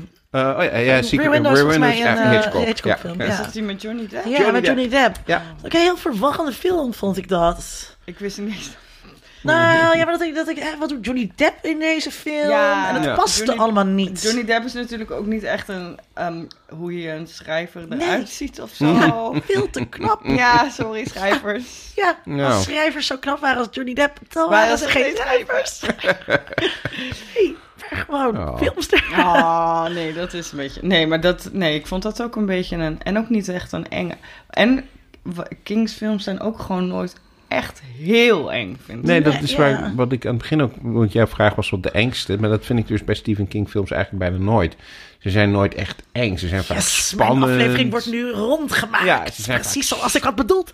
spannend of, eh, of intrigerend. Of Ja. er zit Het is misschien de iets wat als. creepies ja, in. dus Maar het is het concept het is, eh, en daardoor ja. wil je kijken. En uiteindelijk ligt de focus altijd op, meer op de characters dan op, Ja. de, op de engigheid ook. Eigenlijk is hoe hij mensen omschrijft, niet alleen dat dat het engste, hè, dat mensen zelf het engste zijn, maar dat hij kan ook gewoon heel goed characters, mensen omschrijven. En wat jij zei, hij kan tien pagina's naar een of andere herinnering en hij kan gewoon echt heel mooi vertellen. En dat is, dat is eigenlijk, nou ja, het belangrijkste bij deze man, vind ik. Ja, dan nog een tip trouwens. Want ik heb in, eh, voor de voorbereiding van deze aflevering nog zijn boek On Writing gelezen. Eh, dat kan ik iedereen aanraden. Het is een soort autobiografisch eh, boek eigenlijk, waarin hij gewoon vertelt wat zijn leven is. En tegelijkertijd vertelt hoe dat zijn schrijven beïnvloed heeft. En hoe hij schrijft en welke techniek die gebruikt om te schrijven. En dat is echt wel, wel leuk, omdat hij ook op een aantal boeken ingaat. Van nou, toen ik dat boek schreef, toen zat ik eh, inderdaad aan de kook. En toen ik dat boek schreef, toen was ik daarmee bezig. Of, nou, dat is, dat is echt wel een... eh, Maar Sydney, vind jij dan dat er, dat je, dat, want jij hebt dan ook dus zijn autobiografie, autobiografie gelezen. Vind jij dat er een rode draad in het werk van King zit? Als Hmm. jij zijn biograaf was geweest, wat had je dan gezegd van wat het, wat het doet, zijn oeuvre? Nou er- ja, de er- rode draad is voor mij eigenlijk meer, en dat doet Castle Rock eh, ook goed, is meer de hele setting. Eh, die is bijna namelijk altijd, mm, ja, toch in dat New England Maine-achtige. En daar zijn die verhalen ook vaak van doordrenkt. Van een, een, een huis aan het meer, sneeuw. Witte eh, mensen. heel veel witte Uit mensen. de middenklasse. Ja, eh, winkel, winkels waar... waar, waar. Ja, maar dat, dat is... Ik de- hij Ja. denkt ook wel... Hij schrijft wel vanuit wat hij kent. Ja, Ja. Hij, daarom dus Dat en daarom zijn, eh, schrijft hij over schrijvers. Ja, en dat, dat is echt zijn mantra ook. Dat Ja. hij probeert, eh, als je die biografie van hem... En je ziet ook dat, dat hij sommige gebeurtenissen uit zijn leven... meerdere malen in verschillende boeken op verschillende manieren hervertelt. Eh, en dat doet hij heel goed. Hij, hij gebruikt dus iets wat hem echt is overkomen... maar dat gebruikt hij dan op een manier waarop het in een verhaal goed ingepast kan, eh, kan worden. En dat mantra van ja, eh, write what you know... daarvan zegt hij dus in dat boek... Ja, dat moet je niet doen, want het is heel saai om te schrijven wat je weet, want jouw leven is saai. maar wat hij dus goed doet, is write what you know in de zin van een, een, een gebeurtenis die hij zelf heeft meegemaakt, omvormen tot iets interessants in zijn verhaal. Maar en zit er, nou, zit er nou een moraal in? Welke levensles leren wij hieruit? Hoe, hoe ons te gedragen, hoe te zijn? Hmm. Of is het juist de aantrekkingskracht... Daar, dat, dat is een vraag die ik ga met te pesten. Of is juist de aantrekkingskracht dat het er helemaal niet in zit? ik vind hij schopt ook altijd goed naar boven, zeg maar. Hij Hmm. weet heel... Hij, om, hè, Hij schopt nooit naar beneden, dat klopt wel. Ja, hij, maar hij, als je hem bijvoorbeeld op Twitter volgt ook, hij is echt wel actief in, nog meer dan vroeger, zeg maar, zich verzetten sowieso tegen de overheid een beetje. Weet je, dat, dat, dat eh, hè, denk goed zelf na en dat soort dingen. En ik weet niet of daar een moraal of zo uit te halen is, maar dat is ook wel echt iets wat ik altijd veel, ja... Ja, het is wel eh, een zeker everyman eh die die altijd, denk ik, waar, waarvan die de waarde probeert te laten zien. Ja. Het zijn nooit, eh, zeg maar, eh, presidenten of, eh, of directeuren van grote bedrijven die de helden zijn. Dus zijn eigenlijk is het altijd de slechte eigenlijk, ja, want ik wil graag positief Ja. eindigen. Dat is eigenlijk heel verfrissend. Mhm.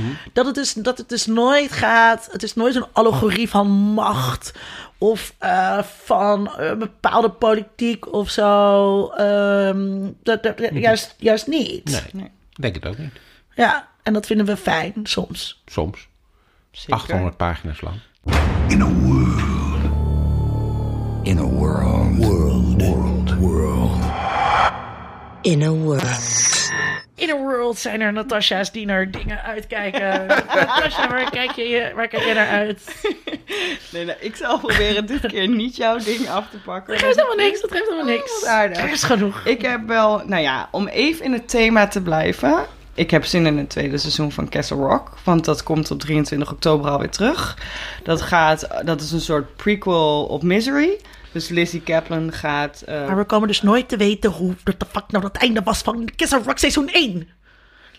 Nee, want dat is klaar. Dat is, Dat is klaar. klaar. Dan moet je af- Nee, achter je nee, laten. Jawel, nee. meid. Oh. Dat is, antwoorden krijg je niet altijd in het leven. Dus Mm, ook niet bij series. Oké, Dus eh, nou, dat, die, Liz Kaplan gaat een jongen en die Oh, Liz Kaplan. eh, ja, van Masters of Sex. Mm. Ehm, dus, eh, en daar komt Tim Robbins en bijvoorbeeld ook en ehm, Oh, Sons of. Anarchy zit ook In het seizoen 2, dus er gaat hier hetzelfde gebeuren. Ja. Er gaan weer characters of mensen, hè, die, acteurs die al in een, een eh, King-verfilming hebben gezeten, ook teruggehaald worden. En ja, het, het ziet er goed uit qua casting. En nou ja, er is nog niet zo heel veel bekend verder hoe wat de serie precies gaat doen. Maar, Maar hij komt dan best wel snel. Ja, 23 oktober, ja. Ja. Maar dat was bij Castle Rock eerste seizoen natuurlijk ook. Je wist, bedoel, behalve dan dat we niet wisten waar we naar keken, wist je ook niet heel ver van tevoren wat er precies. En ik denk dat dat wel goed is, want eh, beetje spanning is bij deze serie. Wel, Het is eh. veel fijner om heel open Ja. in iets te gaan. Ja. En ik denk dat het hetzelfde gaat Of in gebeuren. ieder geval bij Stephen King is het veel fijner om het voor het eerst te zien. Je hebt hier dus nu wel een bestaand character uit een boek. Dus het is wel iets anders volgens mij dan seizoen 1. Want dat was echt helemaal... Dus nou, de wel- sheriff, hè, die, kwam, eh, eh, eh, die kwam al voor in Needful Things. Ja, ja, maar ik bedoel meer van de hoofdpersoon Ja. is echt een, een... Ik bedoel, ja, en Wilkes is wel echt dat je denkt... Oh ja, daar weten we allemaal wel best wel veel over. Dus daar kijk ik naar uit. En Watchmen. Oh, sorry, nu steel ik iets Nee, van maakt niet uit.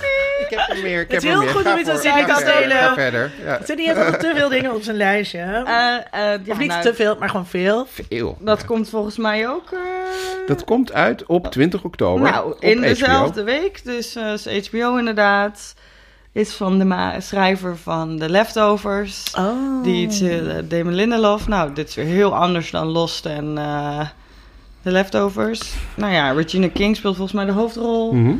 Ik, het, eh, het wordt wel, het wordt zeg maar niet een directe adaptatie van wat er dus al eh, Nee, het is een van de comics. maar- vervolg eigenlijk daarop.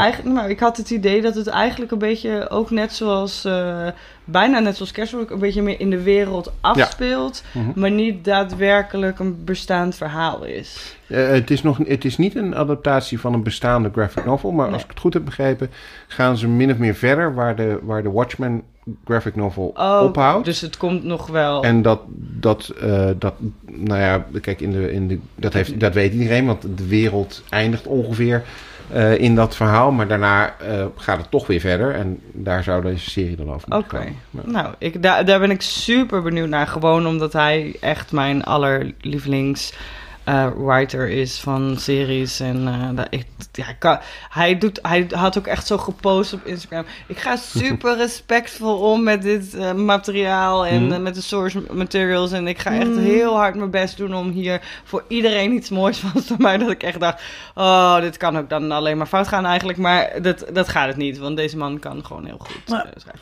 Ja, maar dat was je, ehm, het nieuwe televisieseizoen is net begonnen. Eh, ben je onder de indruk van wat er uit is gekomen nu, zeg maar, wat er gestart is nu in september? Nou, het, ik vind dus, doordat, je, doordat wij allemaal veel meer streamen, de seizoenen iets een beetje aan het vervagen zijn. ja. En ik, ik zat toevallig vandaag eens even te zoeken, want er, zijn, er komen nog wel meer echt eh, wat leukere... En er zijn ook al wat leuke series gestart zelfs. Dus, maar ik ben niet... Ik zit ook niet meer... Vroeger ging ik echt in augustus, ging ik alles lezen, ging ik echt allemaal Ja. kijken, wat komt er nou precies ook weer aan? En dan ging ik een hele lijst maken, zodat ik zeker wist dat ik in oh, eind augustus, begin september niets mis. En nu dacht ik, oh ja, chips, het is begonnen. Eh, Weet je wel, terwijl je, ja, het komt echt door Netflix en eh, dat je Netflix en Amazon hebt. Want je kijkt gewoon eigenlijk veel meer door. Het tv vervaagt toch een beetje of zo. Het is niet meer, want we kijken ook gewoon niet zoveel meer naar dingen, volgens mij, die op ABC zijn of NBC. Want eh, ja, het is gewoon, ja, dat verandert echt. Ja, ik, ik vind dat. Ik, ik, ik, ik heb mijn televisie dit, eh, seizoen, of dit, dit jaar, zeg maar, dit academisch jaar of dit televisiejaar. eh, die twee dingen lopen gelijk.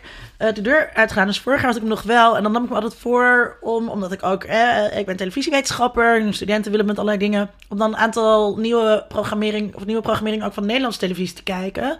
Nu heb ik er ook zelf ook heel weinig over gehoord. Ik hoor ook op Twitter trouwens heel weinig bus eh, daarover. Je ziet ook echt die verschuiving gaan. Dus ook dat televisierecensenten in de krant bijvoorbeeld veel meer zijn gaan schrijven over, over series die gestreamd worden. Terwijl eh, toen ik, ik ben ooit een keer een week recensent geweest voor de Volkskrant. Ehm, eh, eh, toen ik eh een recensent mocht vervangen die met de vakantie was. En toen deed ik dat ook, maar dat viel eigenlijk helemaal niet een goede aarde, want dat was helemaal niet de bedoeling, zeg maar. En nu zie je dat Emma Curvers bijvoorbeeld eh, dat, dat heel fantastisch oppakt. Maar je ziet echt dat ja, de relevantie van zo'n lancering van een nieuw seizoen, die krijgt helemaal op de achtergrond. Ja. Ben je dat ook, Sydney? Ja, dat, dat klopt. Het, het is moeilijker om ehm, excited te zijn voor een nieuwe serie, omdat het vaak opeens er is. Eh, We krijgen, maar we krijgen de hele tijd ja, nieuwe series. ja, ja. En wat de netwerken uitbrengen, is gewoon vaak minder interessant dan wat streamingdiensten uitbrengen. Mhm. Dus vroeger kon ik inderdaad excited zijn over een nieuwe comedy die kwam of zo. Op inderdaad gewoon een netwerk. Nu denk ik, ja. ja. Nee, klopt. En de reality waarmee Nederlandse televisie komt.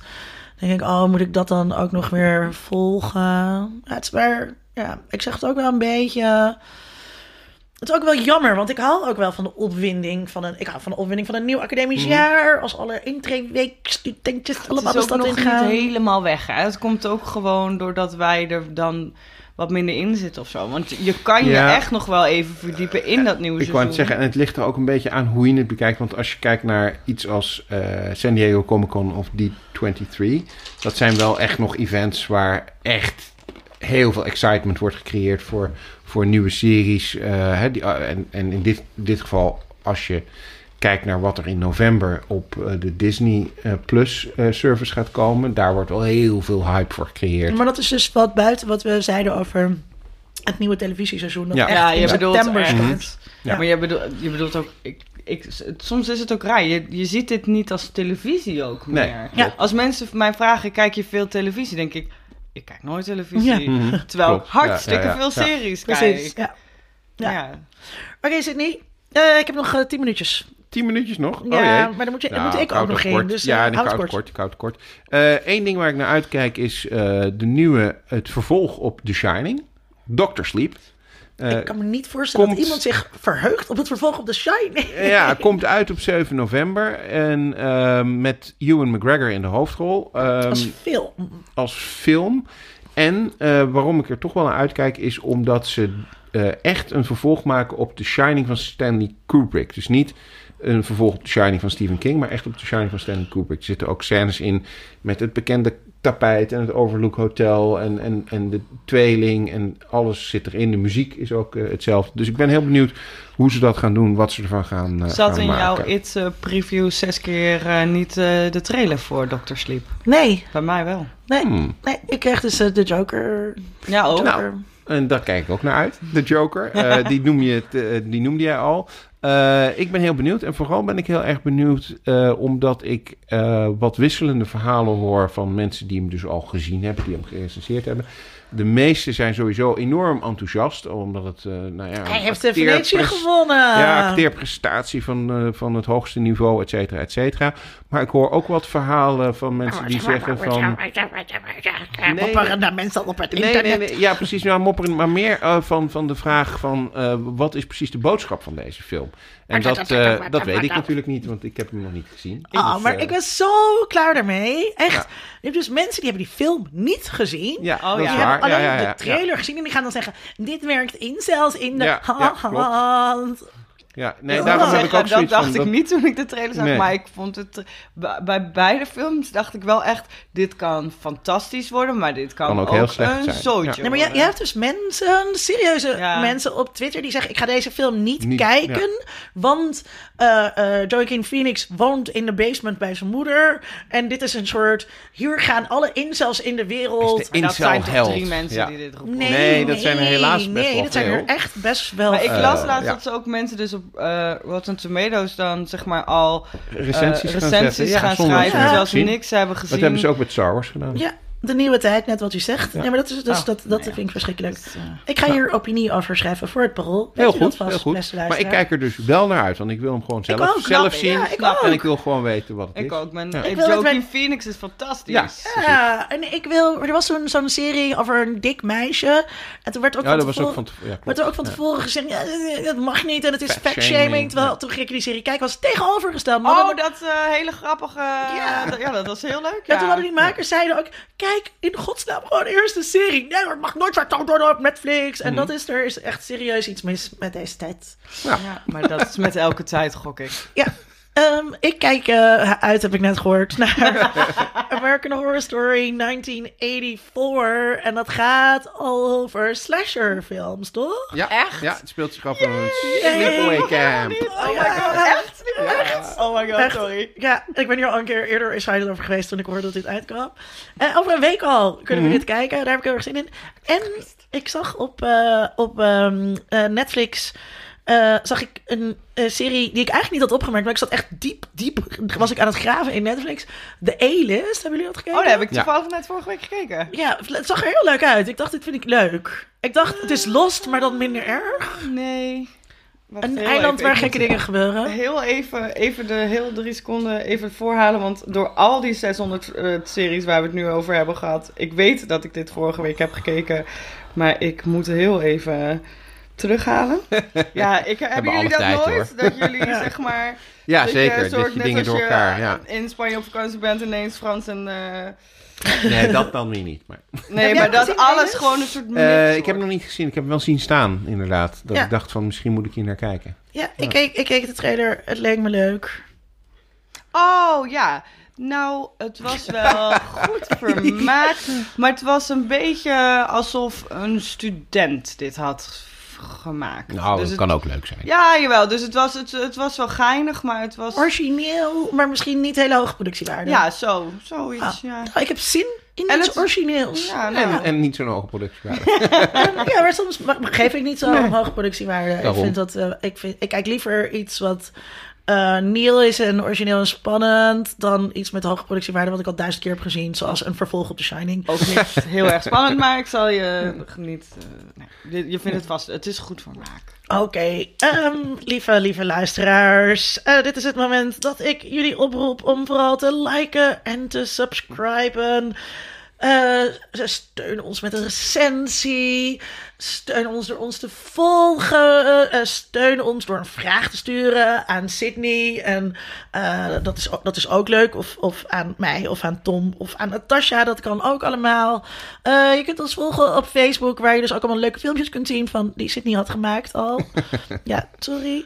Ehm, dit is echt een hele slechte afsluiting. Maar goed, volgende keer gaan we het hebben over X-Men. Yes. En dat betekent dat het huiswerk best wel overzichtelijk is. Ja, gelukkig wel. Dus uh, luisteraar, heb je zin om helemaal alles te volgen? Doe dan je huiswerk. En heel graag tot de volgende keer. Bedankt Natasja dat je er was. Geen dank, ik vond het weer eh, gezellig. Wie is nu het vaakst geweest? Nee, grapje. Ja, misschien jij wel. Ja, het gaat denk ik tussen jou en die Dan Dennis Forrest. Ja. Dit was Geeky Dingen.